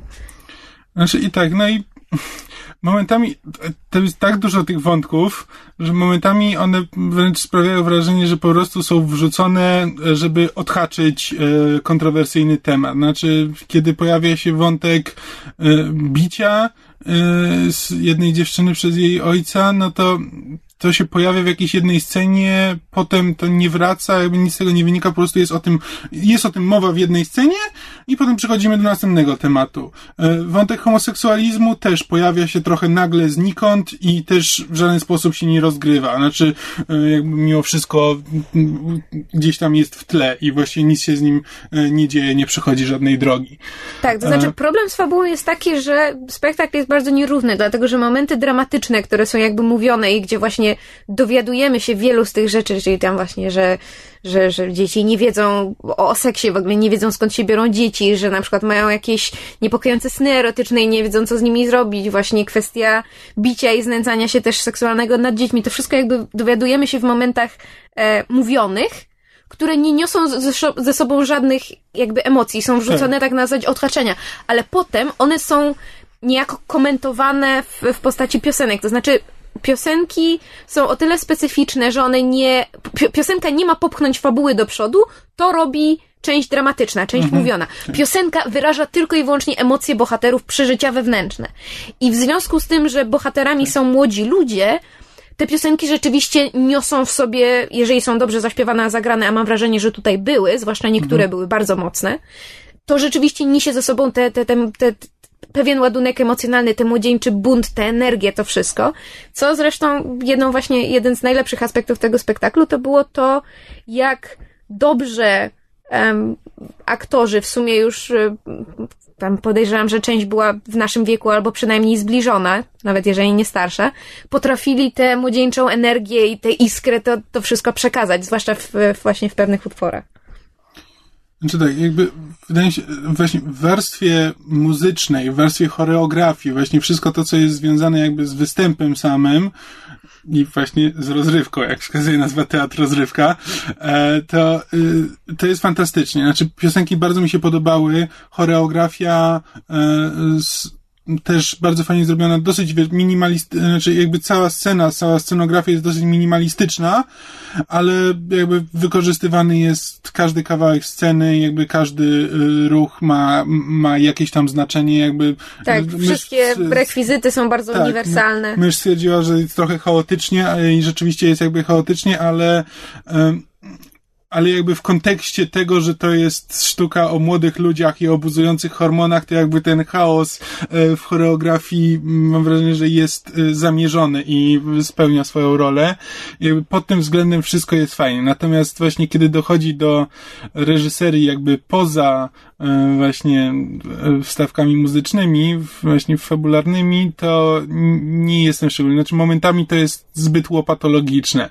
Znaczy mamy właśnie to, że mamy o wszystkim powiedziane, każdy dylemat jest e, dokładnie omówiony i opowiedziany, zamiast przedstawiony w jakiś inny sposób. To tak, to jeszcze to, że piosenki podkreślają wewnętrzne przeżycia bohaterów, jest jeszcze podkreślone przez to, że podczas piosenek e, na ekranie są puszczane e, fragmenty filmików, które też jakby mają symbolizować to, o czym myślą w tym momencie e, postaci. I one są fajnie, one są fajnie zrobione, jakby to jest, te filmiki też są, pasują i mają fajny klimat, ale nie jestem pewien, czy są potrzebne. Znaczy, nie, rzeczywiście to podkreślają. Jest, to, jest, jest przekombinowane i to jest tak, polski i, dodatek. Tak, i to jest y, po prostu podkreśla coś, co już jest i tak podkreślone. Jakby nie wiesz, podwójną linią podkreśla zupełnie niepotrzebnie.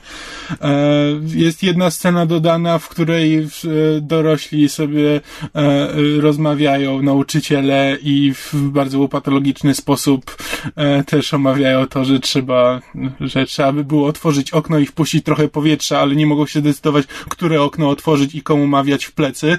A właściwie to jedno okno jest zamurowane i to drugie też im się nie podoba, więc też się zamurują. Bardzo taka...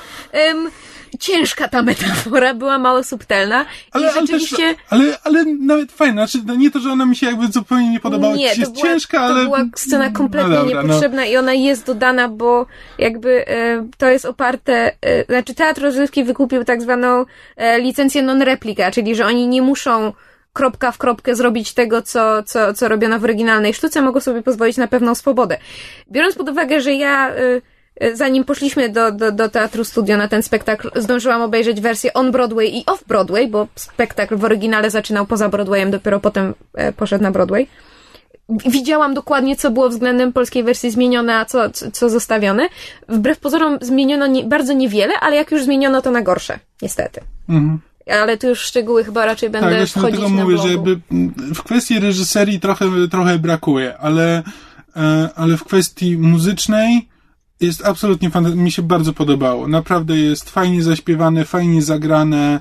E, Dobre głosy, tak. dobra obsada, fajne aktorstwo. Nawet w tych momentach dramatycznych, bo to jakby to nie ich tak, wina, tak. że to jest łopatologiczne, to jest wina scenariusza. Tak, ale jakby biorąc pod uwagę, że właśnie scenariusz jest tak łopatologicznie wy, e, wyłożony, to jakby postaci i tak wypadają, e, wypadają naturalnie, co im się naprawdę chwali, bo, bo łatwo by było zlukasować tę, produkcję.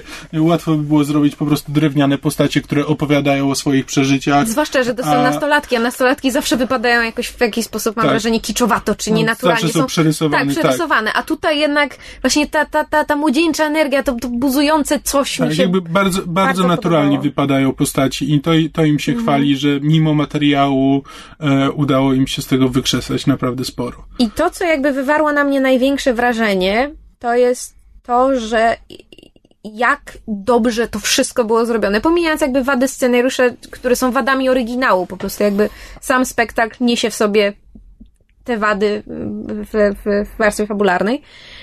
bo myśmy z Kamilem zresztą w podcaście tam wspominali chyba nie raz i nie dwa. E, zdarza nam się chodzić do teatru, zdarza nam się chodzić na musicale, mysz jest wielką fanką, więc e, stosunkowo, może nie często, ale raz na jakiś czas na czymś lądujemy. I zazwyczaj są to produkcje rodzime, w sensie warszawskie, i zazwyczaj są znośne at best. Bo, bo to, że są dobre, to, to tego powiedzieć bym nie mogła. A mając właśnie porównanie z, z, z wersją broadwayowską, to poziom jest tak niesamowity tego, co robi Teatr Rozrywki w Chorzowie, że mhm. ja teraz e, zagroziłam Kamilowi, że będziemy e, robić sobie road tripy za każdym razem, jak Teatr Rozrywki będzie wystawiał coś nowego. Co prawda nie, nie od razu po premierze, bo z tego, co czytałam, im zajmuje trochę czasu mhm. E, złapanie oddechu i, i, i wypra- wypracowanie wszystkich błędów, ale zapowiedziałam, że będziemy tam jeździć częściej, bo to, co oni robią z, z jakby międzynarodowo wychwalanymi sztukami, które są właśnie znane i chwalone i wygrywają nagrody, jest na światowym poziomie. I to jest coś, czego mi bar bardzo brakuje w Warszawie. I to jest tak cholernie niesprawiedliwe, że Śląsk ma lepszy teatr muzyczny niż my, że ja się buntuję i to jest w ogóle nie fair i łe. Ja muszę podziękować e, ten spektaklowi My Fair Lady, bo gdyby nie My Fair Lady, to mógłbym nie docenić, jak dobrze jest zorganizowane. My Fair Lady było tak tragicznie zrobionym spektaklem, że mógłbym nie docenić, jak dobrze jest e, zrobione mhm. e, to przebudzenie wiosny. No, a, a tutaj już na koniec to od myszy mała prywata, że jeżeli kogoś interesuje ten spektakl i chciałby móc w pewnym stopniu zrozumieć, o czym mówimy, to e, tak, wchodzicie na YouTube'a, wpisujecie e, Spring Awakening Full, czyli po angielsku pełna lub pełen, e, i wyskoczą wam dwie wersje on Broadway i off Broadway. E, nie musicie rozumieć bardzo wiele z tego, co mówią, dlatego że na Wikipedii synop synopsis po angielsku jest e, e, pra praktycznie streszcza całą sztukę, tam tylko dodatkowe jakieś linijki dialogu się pojawiają. Wrzucacie to sobie w Google Tłumacz. Google Tłumacz wam trochę gramatykę pokićka, ale większość streści bez problemu. Potem macie na soundtrack lyrics, macie wszystkie piosenki, wrzucacie je w Google Tłumacz i w ten sposób możecie zobaczyć całą broadwayowską sztukę bez wychodzenia z domu. Tadam! Nie musicie mi dziękować. Co ja mogę? Ja po prostu tak strasznie kocham musicale. Maile? To przechodzimy do... You've got mail. Ludzie maile piszą. Przechodzimy do kącika mailowego. I tak, nasz stały słuchacz e, Łukasz przysłał nam parę maili, z którymi się teraz rozprawimy. E, Brutalnie i bez litości. Tak. E, w jednym z nich, który zasadniczo odnosił się do wpisu e, myszy na blogu, więc nie będziemy go teraz omawiać w podcaście, ale na, na samym końcu Łukasz pyta, czy będzie kiedyś odcinek Myszmaszu na zasadzie samych skojarzeń, robiony na spontanie. A może wszystkie są takie, tylko ja się głupio wydam.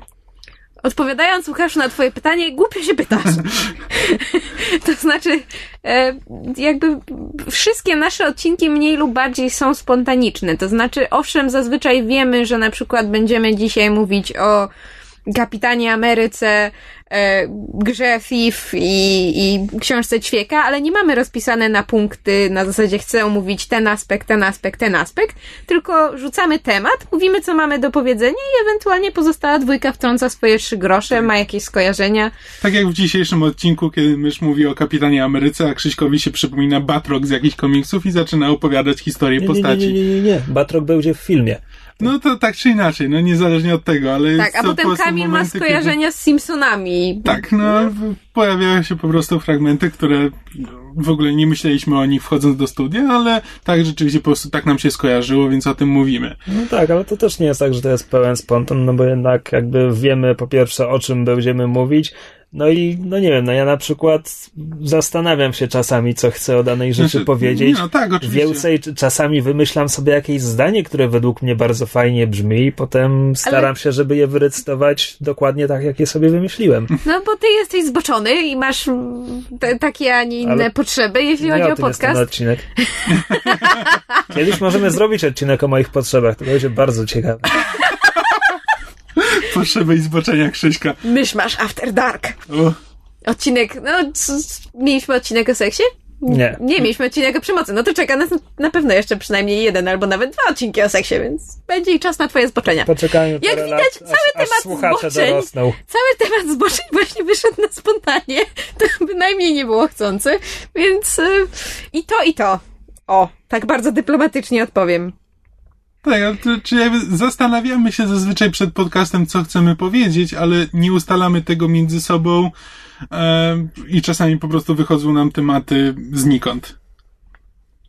Jak ma miejsce w dyskusji ludzi, którzy mają wspólne tematy, ale nie wszystkie się pokrywają. E, w następnym mailu e, Łukasz ma nam do polecenia serial kryminalny pod tytułem Vera, O którym chyba nikt z nas nie słyszał. e, który jak rozumiem jest brytyjską produkcją e, przypominającą jakby Sherlocka w budowie, czyli cztery półtora godzinne odcinki na sezon i istnieją cztery sezony tego serialu, ale nie słyszałem o nim, prawdę mówiąc, e, Seriale- nigdy wcześniej. Seriale brytyjskie to specjalność zwierza, to w razie czego jej się musimy zapytać, czy wie coś o tym serialu. Znaczy, Łukasz tylko porównuje, porównuje ten serial właśnie z Sherlockiem, gdzie Sherlock jakby mm, e, kieruje się tylko intelektem, a nie emocjami, to Vera robi to właśnie na odwrót i jest to serial o emocjach o prawdziwych emocjach, jak twierdzi Łukasz. Nie wiem, będziemy musieli kiedyś spróbować się z tym zapoznać i jeśli się zapoznamy, to wydamy werdykt. Tak. I teraz trzeci mail Łukasza, w którym już Łukasz przewidział nasze praktyki, ponieważ pisze, to kolejny e-mail, który do Was piszę. Zapewne poprzedni, jak i ten zostaną wrzucone w jeden wspólny folder nazwany od mojego imienia i przeredagowane skrócone. Więc chcąc uprzedzić takie praktyki, do których prowadzący podcast mają prawo, będę się w tym e-mailu streszczał.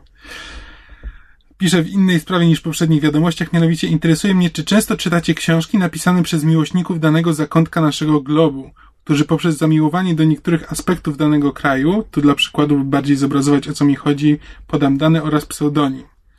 Paweł Musiałowski, Mr. Jedi, były redaktor świętej pamięci dwumiesięcznika o nazwie Kawaii.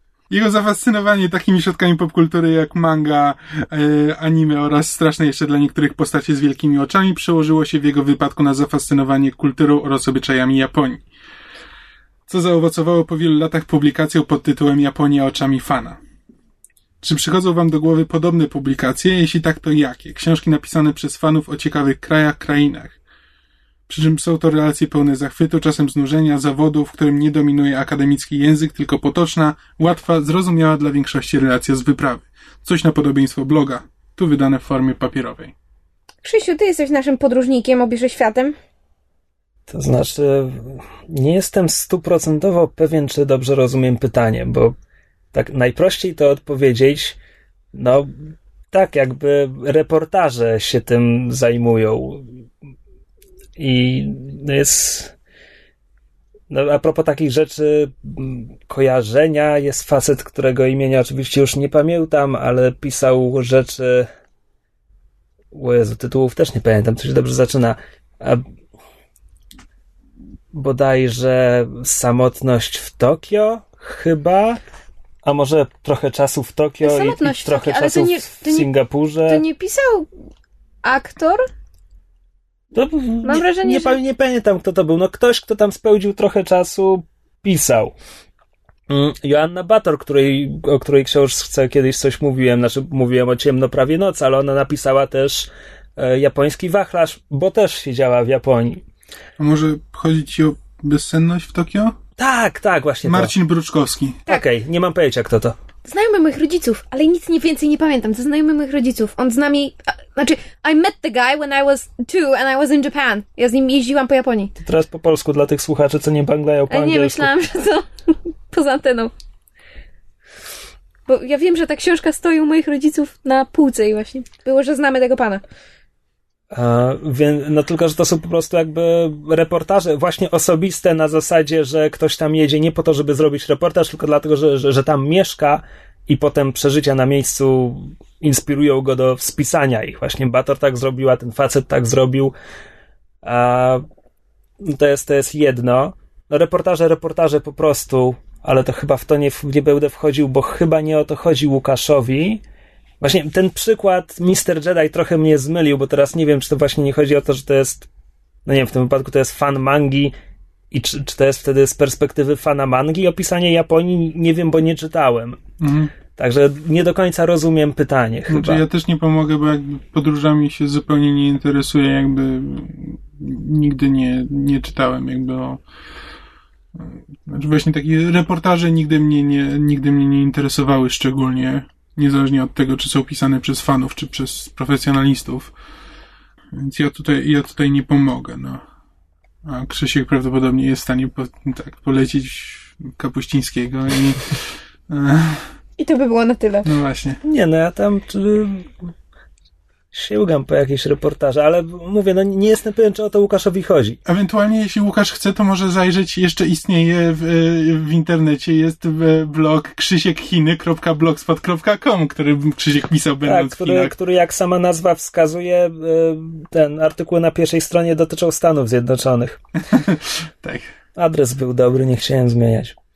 E, no tak, jeśli ktoś jest bardzo ciekaw, ale ten. E, trochę innym zjawiskiem są właśnie ludzie zafascynowani jakimś e, regionem świata, którzy przekuwają to nie w reportaż, tylko w fikcję. I tutaj sztandarowym dla mnie przykładem będzie James Clavell, który Mhm. swoje przeżył w Azji, swoje wycierpiał w Azji, bo był jeńcem japońskiego ob- obozu. A potem napisał sagę azjatycką Shoguna, Taipana, Gaijina, Noble House i co jeszcze? Burzę, czyli Whirlwind. E, który, no to jest, to jest fikcja, ale jakby tak przesiąknięta kulturą danego miejsca. Jest takie hasło um, o Shogunie, że Shogun zrobił po II wojnie dla Japonii to, co przeminęło z wiatrem dla południa Stanów Zjednoczonych. Co oznacza, tak bolesna prawda, uprościł Japonię do tego stopnia, żeby Zachód mógł ją zrozumieć w tej powieści. No ale robi to znakomicie e, i, i no Znowu, to nie jest to, o co Łukaszowi chodziło w pytaniu, ale Klejwela polecam z całego serca, zwłaszcza, że to są bardzo fajne książki przygodowe. Um, on mi trochę czasami przypomina Martina. Na tej zasadzie, że pakuje do takiej książki kilkadziesiąt postaci i kilkanaście przenikających się intryg, góruje nad Martinem tym, że jest w stanie zamknąć całą historię i intrygę w jednym, umówmy się, cholernie grubym tomie. E, także, no tak, gdyby kogoś Azja interesowała konkretnie, to James Clavell jak najbardziej. Znaczy, tak mi jeszcze co najwyżej przychodzi do głowy, mm, to też na zasadzie wolnego skojarzenia. To nie jest to, o czym pisał Łukasz, ale mm, tak mniej więcej, no to ten dokument y, o Sugarmanie. E, o ten, o, o Rodriguezie. Mm, czyli właśnie jest... Searching for Sugarman. Jest, tak, Searching for Sugarman. E, który jakby też opisuje jakby opisuje sytuację, sytuację w RPA jakby z perspektywy właśnie poszukiwań tego e, historii tego jednego człowieka, który po prostu pisał piękną muzykę i e, o której nikt w życiu nie słyszał właśnie, która przedostała się do, przedostała się do RPA na jakichś mm, pirackich kasetach i tam była podkładem do e, tamtejszej rewolucji, ale Tam e, podobno są jakieś przekłamania. Znaczy, w, Właśnie- wbrew temu, co twierdzi film, facet miał trasy koncertowe, tylko Właśnie tak y, y, oglądałem ten film i jakby film jest właśnie fajnie, fajnie skonstruowany, fajnie się go ogląda. Y, przy czym właśnie lepiej traktować, lepiej się jakby nie zagłębiać, to po prostu potraktować go jako taką fikcję trochę literacką, y, bo, bo jakby właśnie mam wrażenie, że to jest tylko, że jakaś wytwórnia sobie zdała sprawę, że ma jakieś nagrania Rodrigueza, które się ludziom podobają, ale nikt o nich nie słyszał, więc nakręci, nakręci fajny dokument o tym, jak to właśnie mają nagrania, o których nikt nie słyszał. E, I tak obawiam się, że to jest bardziej właśnie chwyt marketingowy niż, e, niż rzeczywiście prawda, ale, e, ale jakby sam dokument jest wart obejrzenia. Jakby niezależnie od tego można go traktować właśnie z przymrużeniem oka i jakby nie należy wierzyć każdemu słowu, ale, ale też jakby ładnie pokazuje sytuację w RPA. To były, nie lata 60 70 chyba, coś takiego. Swoją drogą Rodriguez przyjeżdża na koncert do Warszawy. za parę tygodni. Jep. No proszę. Tak, to teraz już zdecydowanie poszliśmy daleko, daleko, daleko, daleko od tego, o co chodziło Łukaszowi.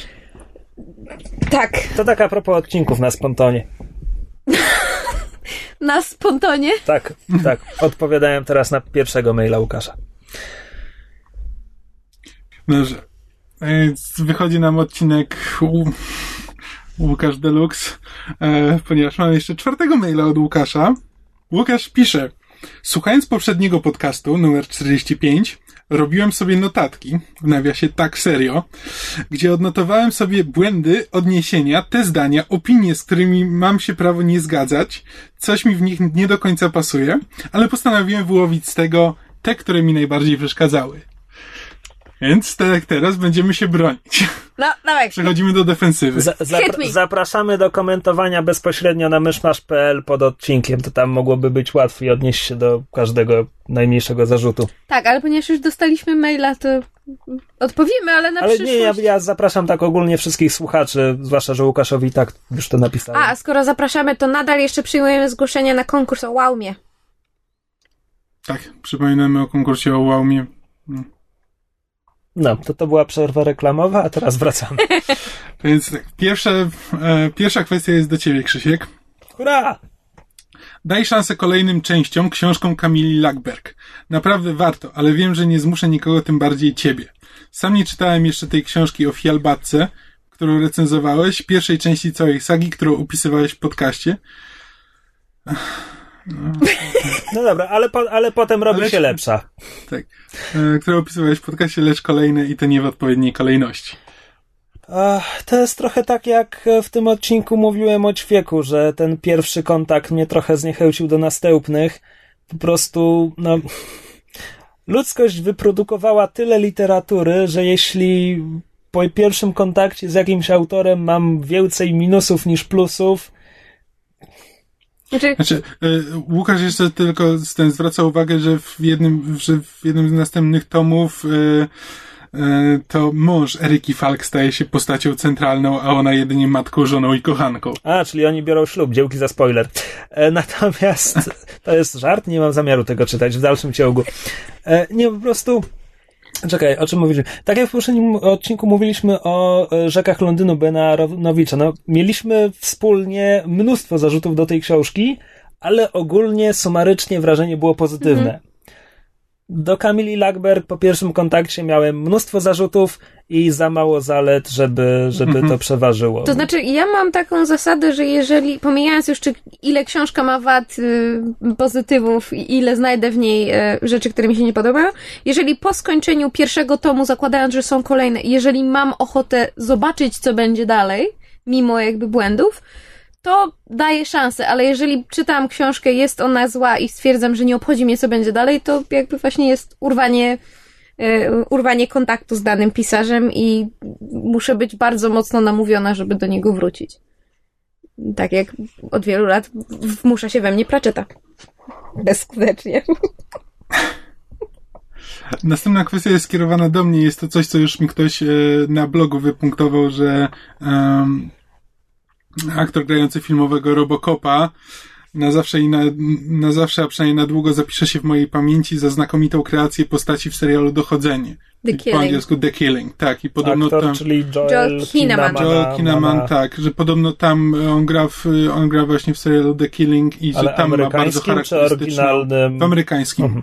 I że tam ma podobno właśnie bardzo ch- charakterystyczną rolę i tak, że jest już znaną postacią, przy czym no ja nie widziałem ani pół odcinka tego, tego serialu, dlatego jakby Joel Kinnaman był dla mnie czymś nowym. Czy mam się zasłaniać tarczą? Czy jesteś do mnie? Zaraz zobaczymy. Tak, bo w następnym akapicie z kolei e, Łukasz nas chwali i też zauważa, że nie lubimy jak się nas chwali i że pewnie to wytniemy, więc tak, ma rację. Dalej pisze.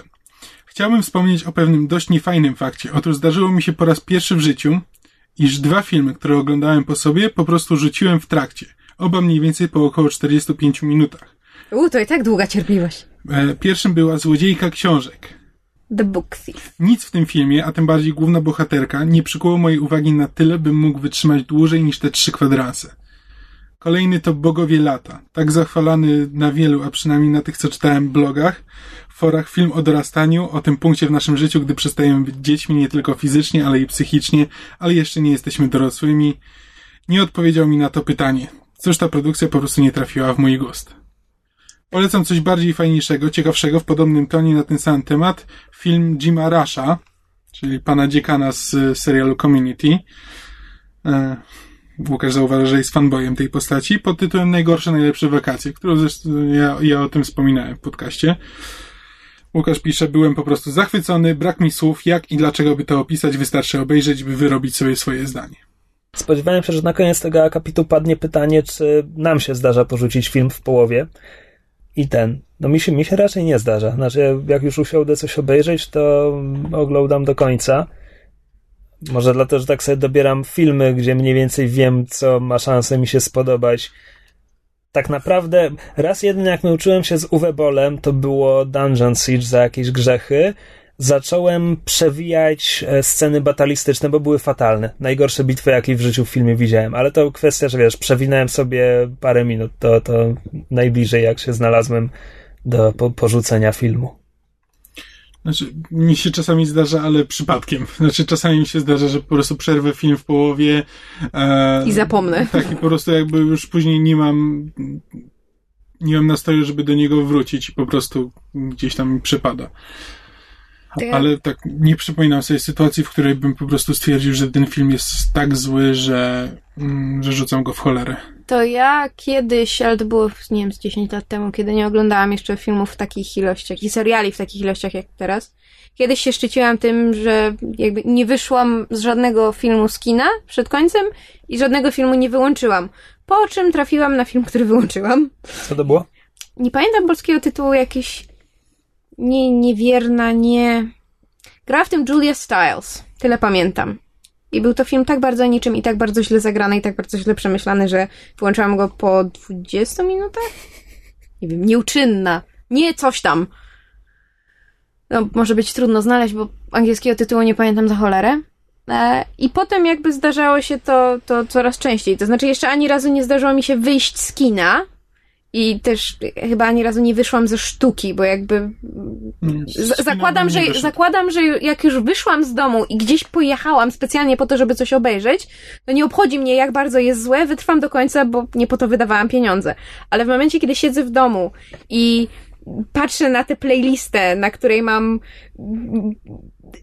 tryliardy filmów i jeszcze więcej odcinków seriali i oglądam ten film już którąś minutę i coraz bardziej zaczynam gapić się dookoła siebie i film mnie zupełnie nie obchodzi i nawet obsada nie jest w stanie mnie przekonać do tego, żeby wytrwać do końca, to teraz już jestem na takim etapie, że taki film po prostu wyłączam. Stwierdzam, że gdyby był wart obejrzenia do końca, to coś by mnie w nim nawet w minimalnym stopniu zainteresowało i po prostu stwierdzam, że szkoda mi czasu i przeskakuję do czegoś innego. E, ostatnio, w zeszłym tygodniu był to film Austenland, który e, opowiada o dziewczynie z, ze Stanów, która e, kocha wszystko właśnie o, o, o Jane Austen i wykupuje sobie za, za swoje ciężko zarobione oszczędności, wykupuje sobie wycieczkę do takiego właśnie Austenland, czyli tam w Wielkiej Brytanii do takiego tam dworku, który jest zrobiony właśnie w, e, w epoce, wszyscy w kostiumach, porozumiewają się, prawda, dialogami z, z książek Austen i tam się rozgrywają różne scenariusze, po prostu taki cosplay. Tylko, że to było tak fatalnie zrobione, to było tak nudne, to było tak o niczym, że nawet, nawet nie byłam w stanie 20 minut zdzierżyć. Był tak niski poziom humoru, a to mówi mysz, która jest historyczną fanką American Pie, więc naprawdę był niski poziom humoru i nie było w tym nic uroczego, nie było w tym nic odkrywczego, nie było w tym żadnej fabuły, nie było w tym, nawet obsada nie była mnie w stanie utrzymać. Po prostu wyłączyłam po 20 minutach i zaczęłam oglądać yy, zupełnie beznadziejny film niezależny, który i tak był lepszy niż to. Więc po prostu teraz już jestem na takim etapie, że, że szkoda mi tracić czasu na rzeczy, które nie są w stanie utrzymać mojego zainteresowania, a ponieważ oglądam ich na tyle dużo, że zawsze jest coś następne w kolejce, to nie mam takiego poczucia, że wiesz, że, że coś mnie omija. Znaczy, no ja mówię oczywiście o oglądaniu w kinie lub że sobie specjalnie wybrałem i odpaliłem na komputerze, bo to, że złapię coś w telewizji, spróbuję 5 minut i opuszczę to. Nie, no takie rzeczy to nie, ale właśnie oglądanie. widzisz, bo ty mówisz, że wybierasz sobie filmy na tyle jakby no, rozsądnie, że szanse są, znam, że, że znam raczej... swój gust. No widzisz, a ja oglądam, no czy nie wszystko jak leci, bo też wiem, co mi się podoba, ale mi się podoba na tyle dużo rzeczy, że mam o wiele szerszą pulę. Więc jest o wiele większa szansa, że coś mi się nie spodoba. Ale żebym się rozpędziła, to teraz, y, czy mamy jeszcze jakiegoś maila? Dobrze, to teraz tak dla e, płodozmianu. E, Mysz poczyta. Tak, mysz, przy- mysz może przeczytać jeszcze jednego maila, którego Au, dostaliśmy tym au, razem nie od au. Łukasza, ale od słuchacza imieniem Krzysztof. I dlatego, że dostaliśmy maila od słuchacza imieniem Krzysztof, ja zbiłam Krzyśka. Bo mi każe czytać maile. Ja tu mam, gram w Maczonga, mam bardzo ważną partię. No, widzisz, słuchacze będą wiedzieć, w jakim poważaniu ich masz. Ja ich mam w ogromnym poważaniu. Tylko nas nie. Was nie bardzo. Nie no, bądźmy poważni. Jak rozmawiacie o grach, do których wiem, że nie mam nic do dodania, no to... A przecież to nie jest tak, że jestem głucha. Słucham, tylko palce mam zajęte czym innym. E, wracając do meritum. E, słuchacz Krzysztof pisze. Zdecydowałem się do Was napisać, ponieważ w ostatnim odcinku poruszyliście temat mechaniki magii w książkach, co przypomniało mi o jednej z moich ulubionych książek fantasy. Przejrzałem opisy wszystkich Waszych podcastów i w żadnym nie natrafiłem na ten tytuł. Jest to pozycja, przez którą wchodziłem niewyspany do pracy, ponieważ nie byłem w stanie oderwać się o, o, od niej o przyzwoitej porze. A nie zdarza mi się to często. Chodzi oczywiście o imię wiatru Kroniki Królobójcy i część drugą, Strach Mędrca, Rothfusa Patryka. A może Patryka Rothfusa, bo nie wierzę, że ten pan ma na imię Rothfus. E, Jeśli znacie te tytuły, to z radością usłyszałbym Waszą opinię, a jeśli nie znacie, to naprawdę gorąco polecam. E, powiem tak, nie dzwoni mi w żadnym kościele, a z drugiej strony bardzo. Znam tytuł, ale nie czytałem. Pamiętam, że e, jeden albo nawet obaj autorzy internetowego komiksu Penny Arcade bardzo pozytywnie się wypowiadali o tej książce. Wiem, że często miałem ją w Empiku w rełkach i patrzyłem na to, jaka to jest cegła i pomyślałem sobie, że nie chcę ryzykować polskiego tłumaczenia i może kiedyś spróbuję w oryginale. I jeszcze nie miałem okazji. Znaczy, ja sobie wpisałem teraz w Google i Google mi, y, tutaj wy- wyszukał tam Patrick Rothfuss, książki Imię Wiatru, podobne wyszukiwania Brandon Sanderson. Elantris mi, Elantris mi się podobało, to nie jest dobra, to nie jest do końca dobra książka, ale to też jest... e, To był debiut Sandersona, może on się rozkręcił Ale właśnie jak, potem. jak, na, znaczy, jak na debiut to ta książka mi się podobała. No owszem, ma sporo wad, ale... mm, ale jest całkiem ten, całkiem przyjemnie To jest napisana. w tym momencie dla mnie o tyle zabawne, że autorzy Penny Arcade bardzo nie lubią Sandersona. Znaczy tak, Sanders, jeden z nich. znaczy tak, jakby Sanderson ma e, jednocześnie, znaczy, tak jak wspominałem w poprzednim, e, w poprzednim odcinku, ja lubię e, budowanie świata. I Sanderson łączy w sobie najlepsze i najgorsze cechy właśnie budowania świata, bo potrafi zbudować naprawdę fajne, e, fajne krainy, po czym przeszarżować kompletnie. E, czy po prostu wprowadzać, wprowadzać jakieś nowe elementy, które zupełnie nie mają, nie mają już sensu, nie biorą się znikąd i nie, nie łączą się w żaden sposób z tym, co wykreował wcześniej w książce. Em, ale tak, ale ma właśnie, ma parę fajnych pomysłów, które właśnie, które właśnie mi się podobały i dla których właśnie mm, tak dobrze mi się czytało Właśnie? Lantris. Cichaj tam. E, Nie mogę, wybudziło mnie siedem właśnie w jednym zdaniu. właśnie, właśnie, k***a, właśnie. E, Dla mnie, Tytuł proble- odcinka. dla mnie problemem Elantris, poza schematycznymi postaciami i cholernie przewidywalną końcówką, to znaczy tam jest kwestia, że z magią coś się popsuło i po prostu to jest tak oczywiste od samego początku, a postaci dochodzą do tego przez 300 stron. Zapomnieli wsadzić wtyczkę do kontaktu i akumulator magii im się nie zepsuł, tak? Chyba pora, czy, chyba prób- pora, czy próbował pan włączyć i wyłączyć magię? ja myślę, Krzysiek się załamał. No. Abstrahując od tych wszystkich wad Elantris, to dla mnie głównym problemem Elantris było to, że okej, to jest ciekawie wymyślony świat, tylko że opisany mniej więcej, wiesz, tak jak w podręczniku do RPG. Tak, mm, właśnie, właśnie o to chodzi, że to jest, to jest, mm, to jest jedna z tych wad, na których chciałem dojść, że to jest po prostu takie budowanie świata dla budowania świata. Jakby ja jestem bardzo dużym fanem, ale mimo wszystko to musi spełniać jakąś rolę, a nie po prostu tworzyć sobie podręcznik do RPG lekko sfabularyzowany. No tak. Ale rozmawiamy o Sandersonie, bo jest podobny do Patricka Rofusa według e, Amazonu, tak? Nie według Google'a. Według Google'a, dobra. A ja tylko od siebie dodam, bo nie czytałam Elantris, więc nie, nie mogę się wypowiedzieć, że e, jakby ani tytuły, ani nazwiska nic mi nie mówią, ale mam wrażenie, że nie mówią mi tym bardziej, że w fantasy jest specyficzna tendencja do, do jakby do nazywania książek i wszystkie są właśnie na zasadzie, wiesz, coś jak Imię Wiatru, Kroniki Królobójcy. To jest tak typowo fantasy tytuł, że on ma prawo mi nic nie mówić. Tak, szczególnie, że właśnie się dowiedziałem, że ten, że e, oryginalnie te... E, no, no. E, oryginalnie ta saga e, nazywała się The Song of Flame and Thunder. Ups. No to już wszystko jest jasne.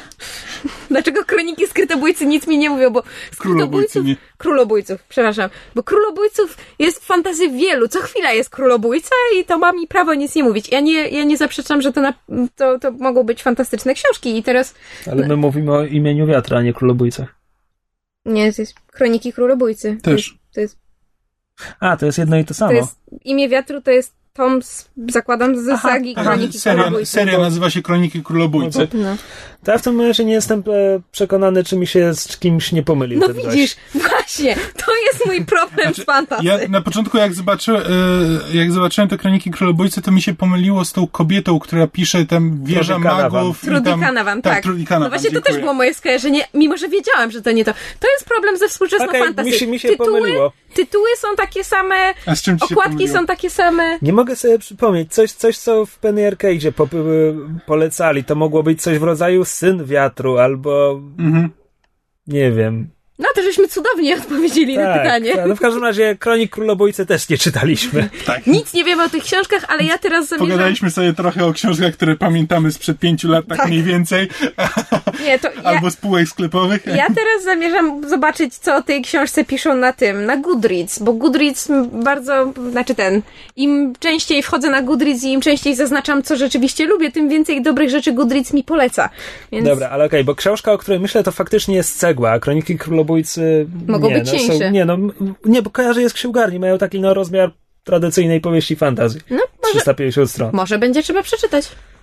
Dobrze, no dobrze, to koniec, koniec kącika mailowego w tym tygodniu. Zachęcamy innych słuchaczy też do komunikowania się z nami na wszelkie wam znane sposoby. Facebook, strona myszmasz.pl. Znaki dymne. E, tak, znaki dymne, gołębie pocztowe, nasza zapomniana, zakurzona linia na Skype'ie, myszmasz podcast pisane jednym słowem. Czy ty już sprawdzasz w ogóle? Może ktoś tam dzwonił? Tak, sprawdzałem. Nie, leży, leży zakurzona. Nie chcecie usłyszeć własne, własnego głosu w podcaście. Ja ledwo chcę słyszeć własny głos w podcaście. Okej, okay, to prawda. Rzeczywiście, to był głupi pomysł. No. Jak słyszeliście, odcinek był bardzo spontaniczny. Następne też prawdopodobnie takie będą. Z góry przepraszamy za wszelkie błędy, pomyłki i podśmiechujki i zapraszamy w przyszłym tygodniu. Do usłyszenia. Żegnajcie. Papa. oh god, please tell me this is not our new outro. Oczywiście, że tak. To Krzysiek powinien mówić bywajcie. That's way more your style. Słuchaliście podcastu Myszmasz. Możecie nas znaleźć na myszmasz.pl lub polubić nasz fanpage na Facebooku. Możecie nam także wysłać maila na myszmaszpodcast.gmail.com Jeśli do nas napiszecie, będziemy szczęśliwi jak kapibara na kapibarze.